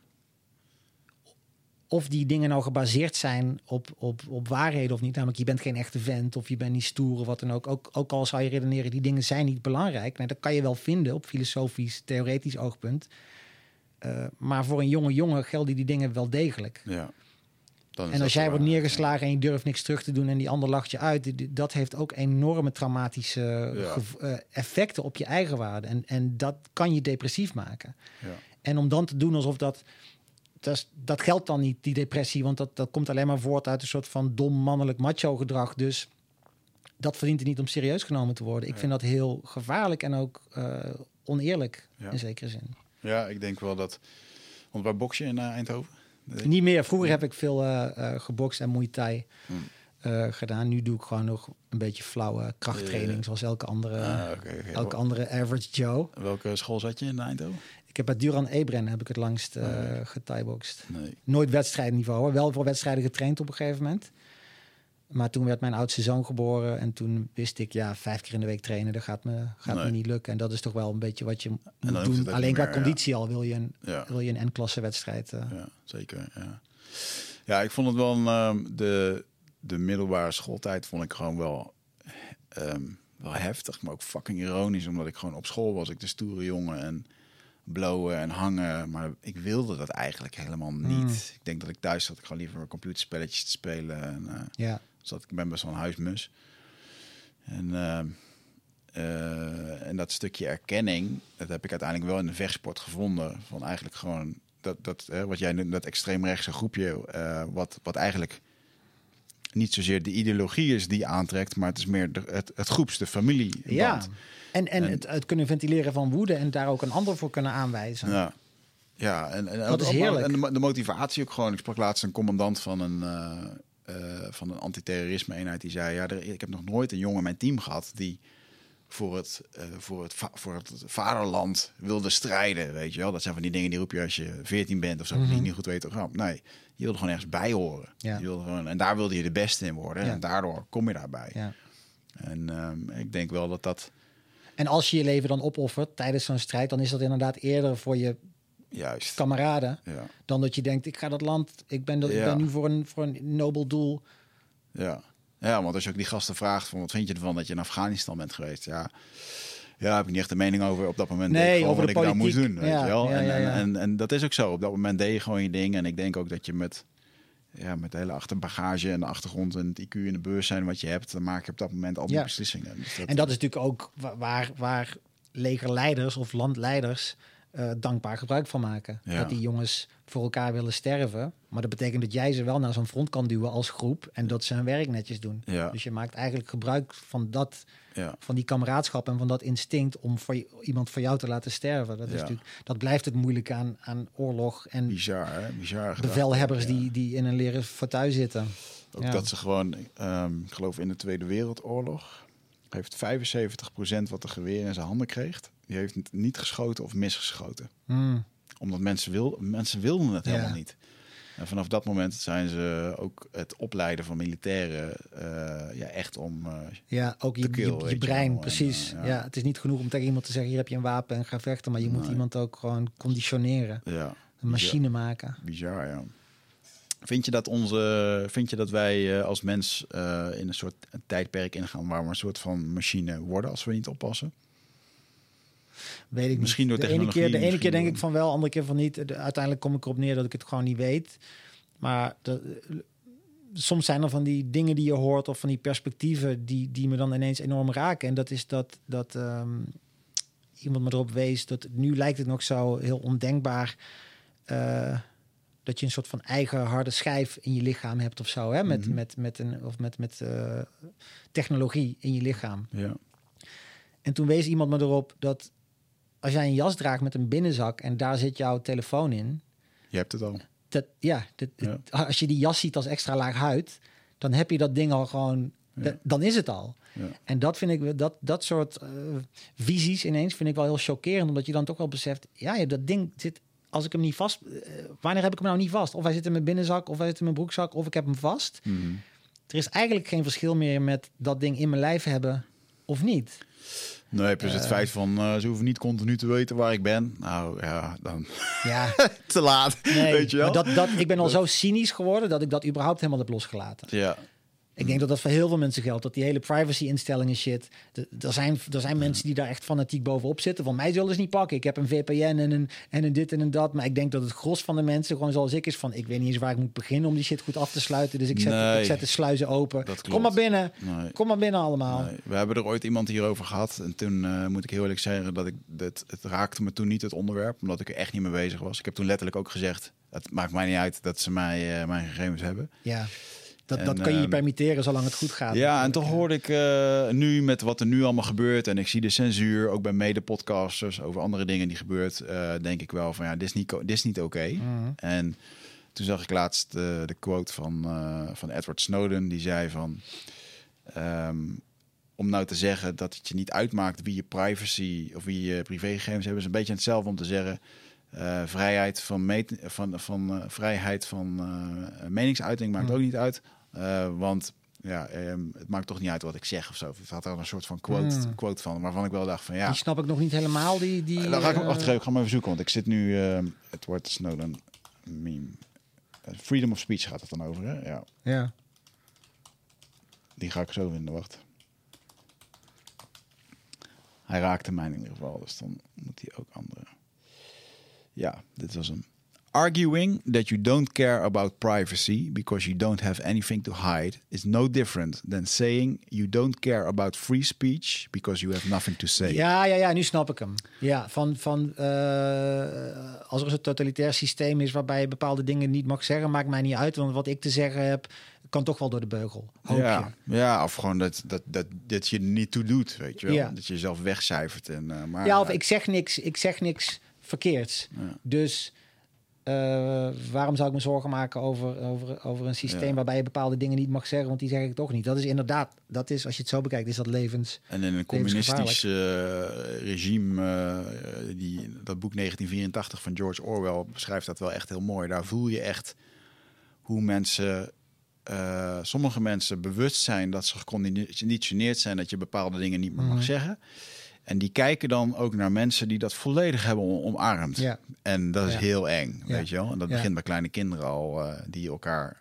eh, Ja. Die worden beloond als je je tante of je, je Ja. oom eraan maakt. Ja. En dat Nee, absoluut. gewoon. Sommige mensen, da- daarom is dat nog steeds zo'n goed boek, 1984, omdat dat ook nu Ja. weer zo relevant is. En inderdaad, hoe mensen zich vereenzelvigen met een ideologie en dat daar ook hun identiteit aan koppelen. En als dat gebeurt, dat is heel link. Want als je dan torent aan die ideologie, Ja. dan toren je aan hun bestaansrecht. Dus zij zullen dat, zij zullen dat met tand en nagel, hoe noem je dat? Eh, Uit, Met huid en haar Verdedigen. opeten. Nee, verdedigen wil ik zeggen. Ja, en, en daar wordt het link. Want zij zien, dat, zij zien dan elke tegenargument of überhaupt elk vraagstuk... of, of dat je zegt, eh, goh, is dit wel zo? Mhm. Wordt geïnterpreteerd als aanval. Dus, en dat is heel gevaarlijk. Ja. En eh, dat zie je nu ook bij aan de, aan de ver linkse kant wel gebeuren. Dat, daar is het hele fenomeen van een debat... of dat je vraagt, klopt dit wel helemaal... of ligt het niet wat genuanceerder dat wordt niet meer geïnterpreteerd als, hmm, inderdaad, laten we daar eens naar kijken of we het daar eens over hebben. Maar dat wordt al gezien als aanval. Ja. Ja. En dat vind ik heel link. Want als, je dat, als dat te veel macht krijgt, wordt dat inderdaad een totalitair-achtig systeem. Waarbij je gewoon moet zeggen en doen wat de partij zegt en doet. Mhm. En anders ben je een vijand van dat systeem en behoor je tot de slechte. Ja. En, eh, en ja, als je, God weet, als je, en als je dat dan inderdaad combineert met, met geen privacy hebben en er komt ooit echt een soort van regime.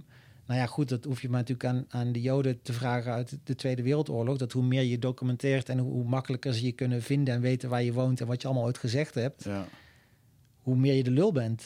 Ja, eh, de- ja, wat dat betreft zijn we allemaal willoze slachtoffers straks als er een, als er een dictator komt met, met ingang in apparatuur. En, eh, Ja, waar ik nog wel eens voor bang voor ben, is dat er een soort eh, AI-apparatuur komt die ook nog even met terugwerkende kracht eh, gaat kijken wat er allemaal gezegd en gedaan is op social media en in podcasts. Oh, tuurlijk, maar dat, ja, En zeker. dat wij over twintig jaar nog even een dat, we, dat je in één keer wordt opgehaald omdat eh je Oh, 20 zeker. jaar geleden oh, maar al... eh, tuurlijk, natuurlijk, dat is denk ik niet eens een vraag. Dat is, de, de, er wordt niks meer vergeten in, in, eh, in het online ja. tijdperk. En, maar ik, ik heb me er al lang bij neergelegd dat als er ooit, wat voor tota- totalitair systeem er ooit zal komen, ben ik sowieso de lul. De schrijvers gaan als allereerste eraan. Oh ja, natuurlijk. Ja. Want dat is de, no way dat er in mijn boeken precies staat wat zij vinden. Nee. Dus eh, ik, heb, ik heb per definitie al te veel geschreven en gezegd om, om, om niet te worden gearresteerd. Dus Ja. dat is ook wel, weer- geeft ook wel weer rust. Dat hoef ik me daar ook geen zorgen over te maken. Dat gaat gewoon gebeuren. Ik ben sowieso de lul, dan weet ik dat ook. Nou,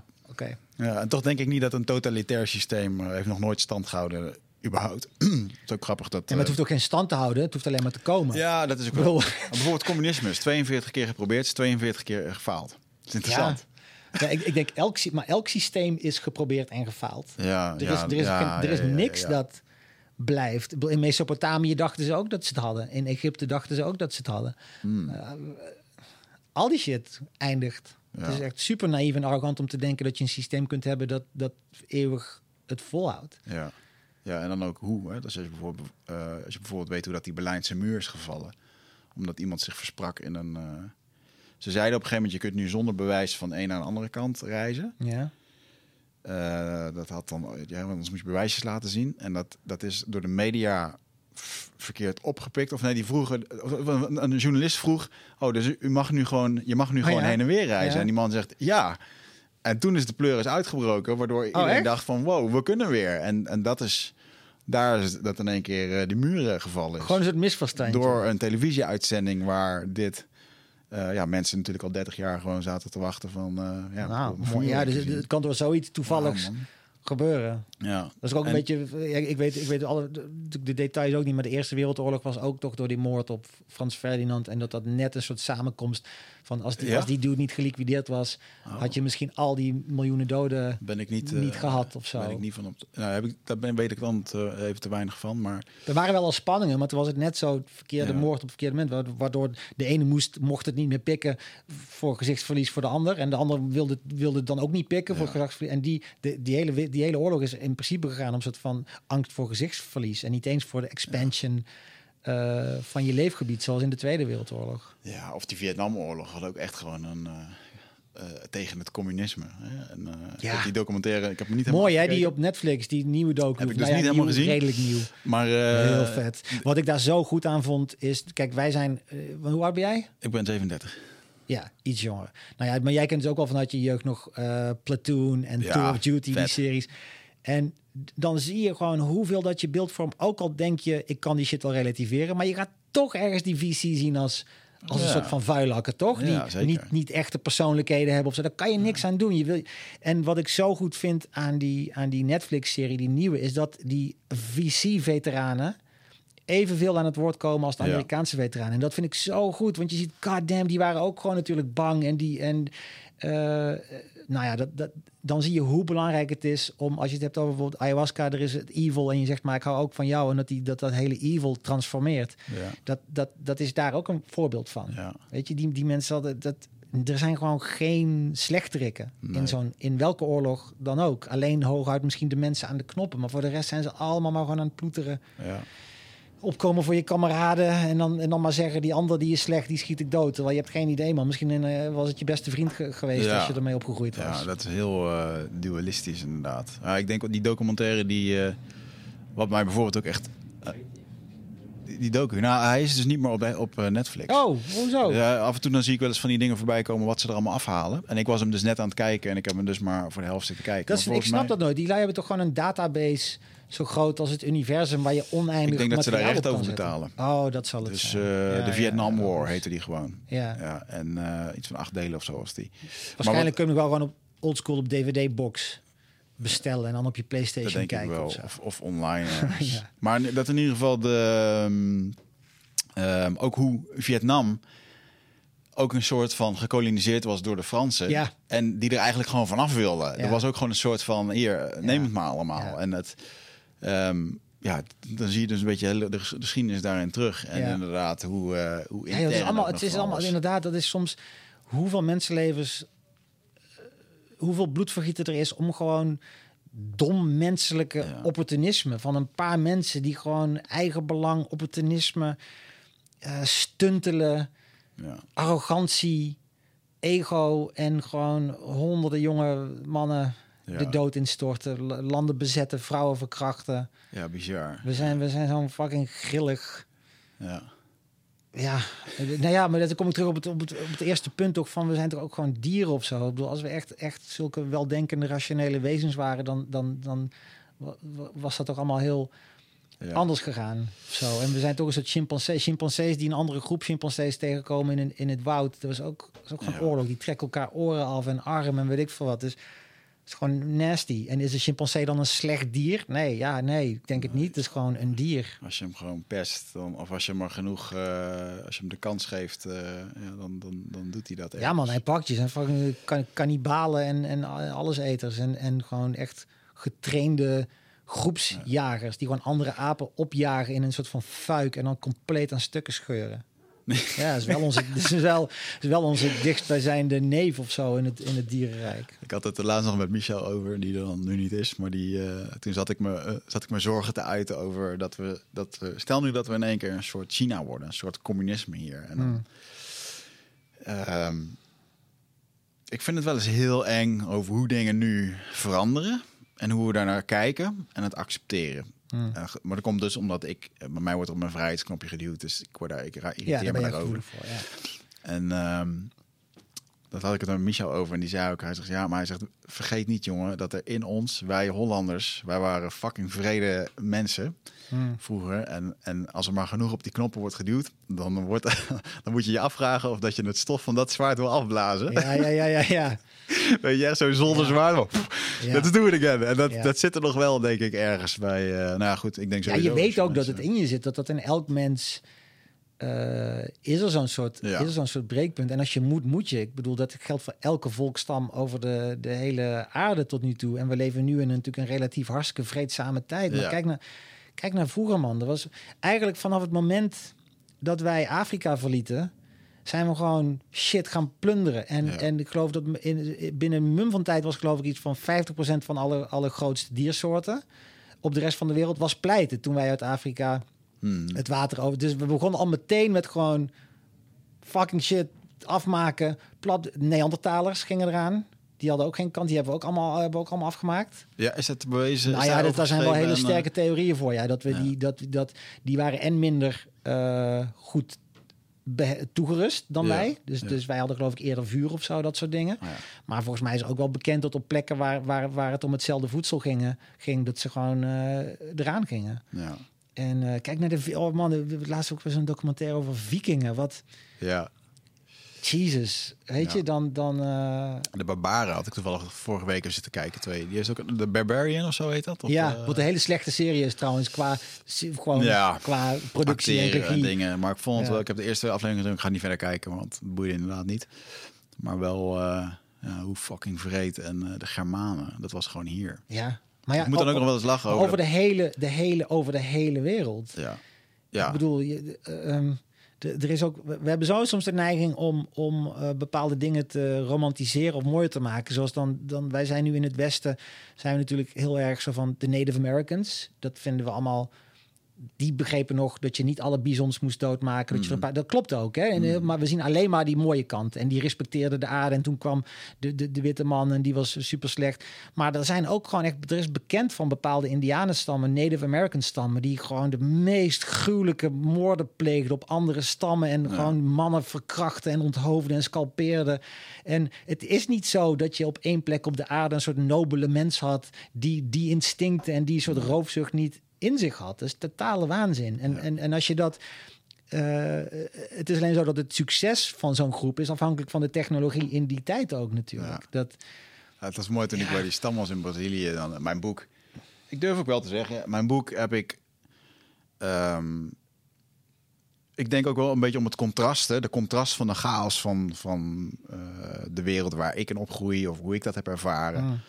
Om dat een soort van eh, ehm, gewoon eventjes te, te laten zien in de ro- geromantiseerde versie van wat daar gebeurde. Er zitten hele mooie dingen in over dat als iemand een moord had gepleegd, eh, dat ze binnen de stam zo iemand niet naar de gevangenis stuurden, maar dat ze hem zo'n plantdieet lieten doen een paar maanden om aan zichzelf te werken. Ja, ja, ja. Om, eh, om, eh, zo iemand heeft heling nodig, geen, geen, geen straf. Ja. Supermooi gedachtegoed. wat, ja, wat, wat we hier in het Westen ook wel wat meer zouden kunnen doen. met, en, met en dat, dat hoor ik dan zo'n stamhoofd een keer vertellen. En denk ik, wauw, oh, mooi hier, mooi hier. En dan vervolgens dan zit ik met iemand anders te kletsen over... Van, ja, wat gebeurt er eigenlijk als iemand anders van een ander dorp bij jullie jat? ja, dan schiet hem gewoon dood. Ja, die is van een Of- ander dorp. Of dat je daar zo'n gifkikker hebt, wat dan... Hè, die kambo Kambo, ja, waardoor je... ja, ja. En dat ik ook eens vroeg van... Kan je eigenlijk doodgaan door die kambo? En dat ze zeiden, eh, nee, dan doen we gewoon zoveel kambo op een pijl... en dan, dan schieten, we, je- schieten ze die pijl af. En op een gegeven moment, dan, dan kan je gewoon niks meer. Ja. Maar je gaat er niet aan dood. Anaphylactic schijnbaar. shock. En dan lig je gewoon in een shock. En het idee was dan dat je dan dus iemand gewoon paralyzed... en dat je dan gewoon zijn kop inslaat Ja. met een... Met een, met- Ja. weet je wel? Ja. En gewoon, oké, de vreedheid en Ja, de- maar dat tribale, de eigenlijk, ja. eigenlijk mogen we zo trots zijn op, op, op, Waar we zijn. onszelf, als in principe voor een heel groot deel op, op, op de wereld. Eh, inderdaad, dat je, dat, je, dat je je wetten en regels zo inricht dat daarmee rekening wordt gehouden met het dorp ernaast. Ja. Dat is eigenlijk al iets. Dat was vroeger natuurlijk gewoon echt totaal niet. Inderdaad, een andere, een andere stam Ja. was in feite gewoon concurrentie en moest je wantrouwen. Daar komt ook, daar komen sowieso eh, vooroordelen eh, en schrikken van hoe als dat iemand er anders, anders uitziet dan jij. Dat, dat zit ergens nog in je DNA. Ja. Omdat gewoon, dat is mogelijk gevaarlijk. Dat is mogelijk een andere stam. En nou ja, dan, dan, eh, dan hebben we dat toch wel in een vrij korte tijd hebben we dat Ja. best wel goed met wetten en een rechtsstaat Ja. weten te omzeilen. Even los van alle nieuwe problemen die, die we dan natuurlijk weer hebben. Ja. Maar eh, Ja. ja. dat, ik denk dat ik, dat ik vind dat ook altijd zo'n fascinerend onderwerp. Zo dat tribale stukje van ons dat we, dat we doen alsof, dat, alsof we dat lang voorbij zijn. En dat, nou ja, daar geloof ik helemaal niet in. We hoorden onlangs een eh, complottheorist vertellen dat op 21 december een of andere bom afgaat, waardoor alle elektriciteit uitvalt en eh, we tien dagen lang in het donker zitten. Wa- Waarom is het altijd iets met gaat dit- 21 en 12? En Dan gaat dit 12. gebeuren.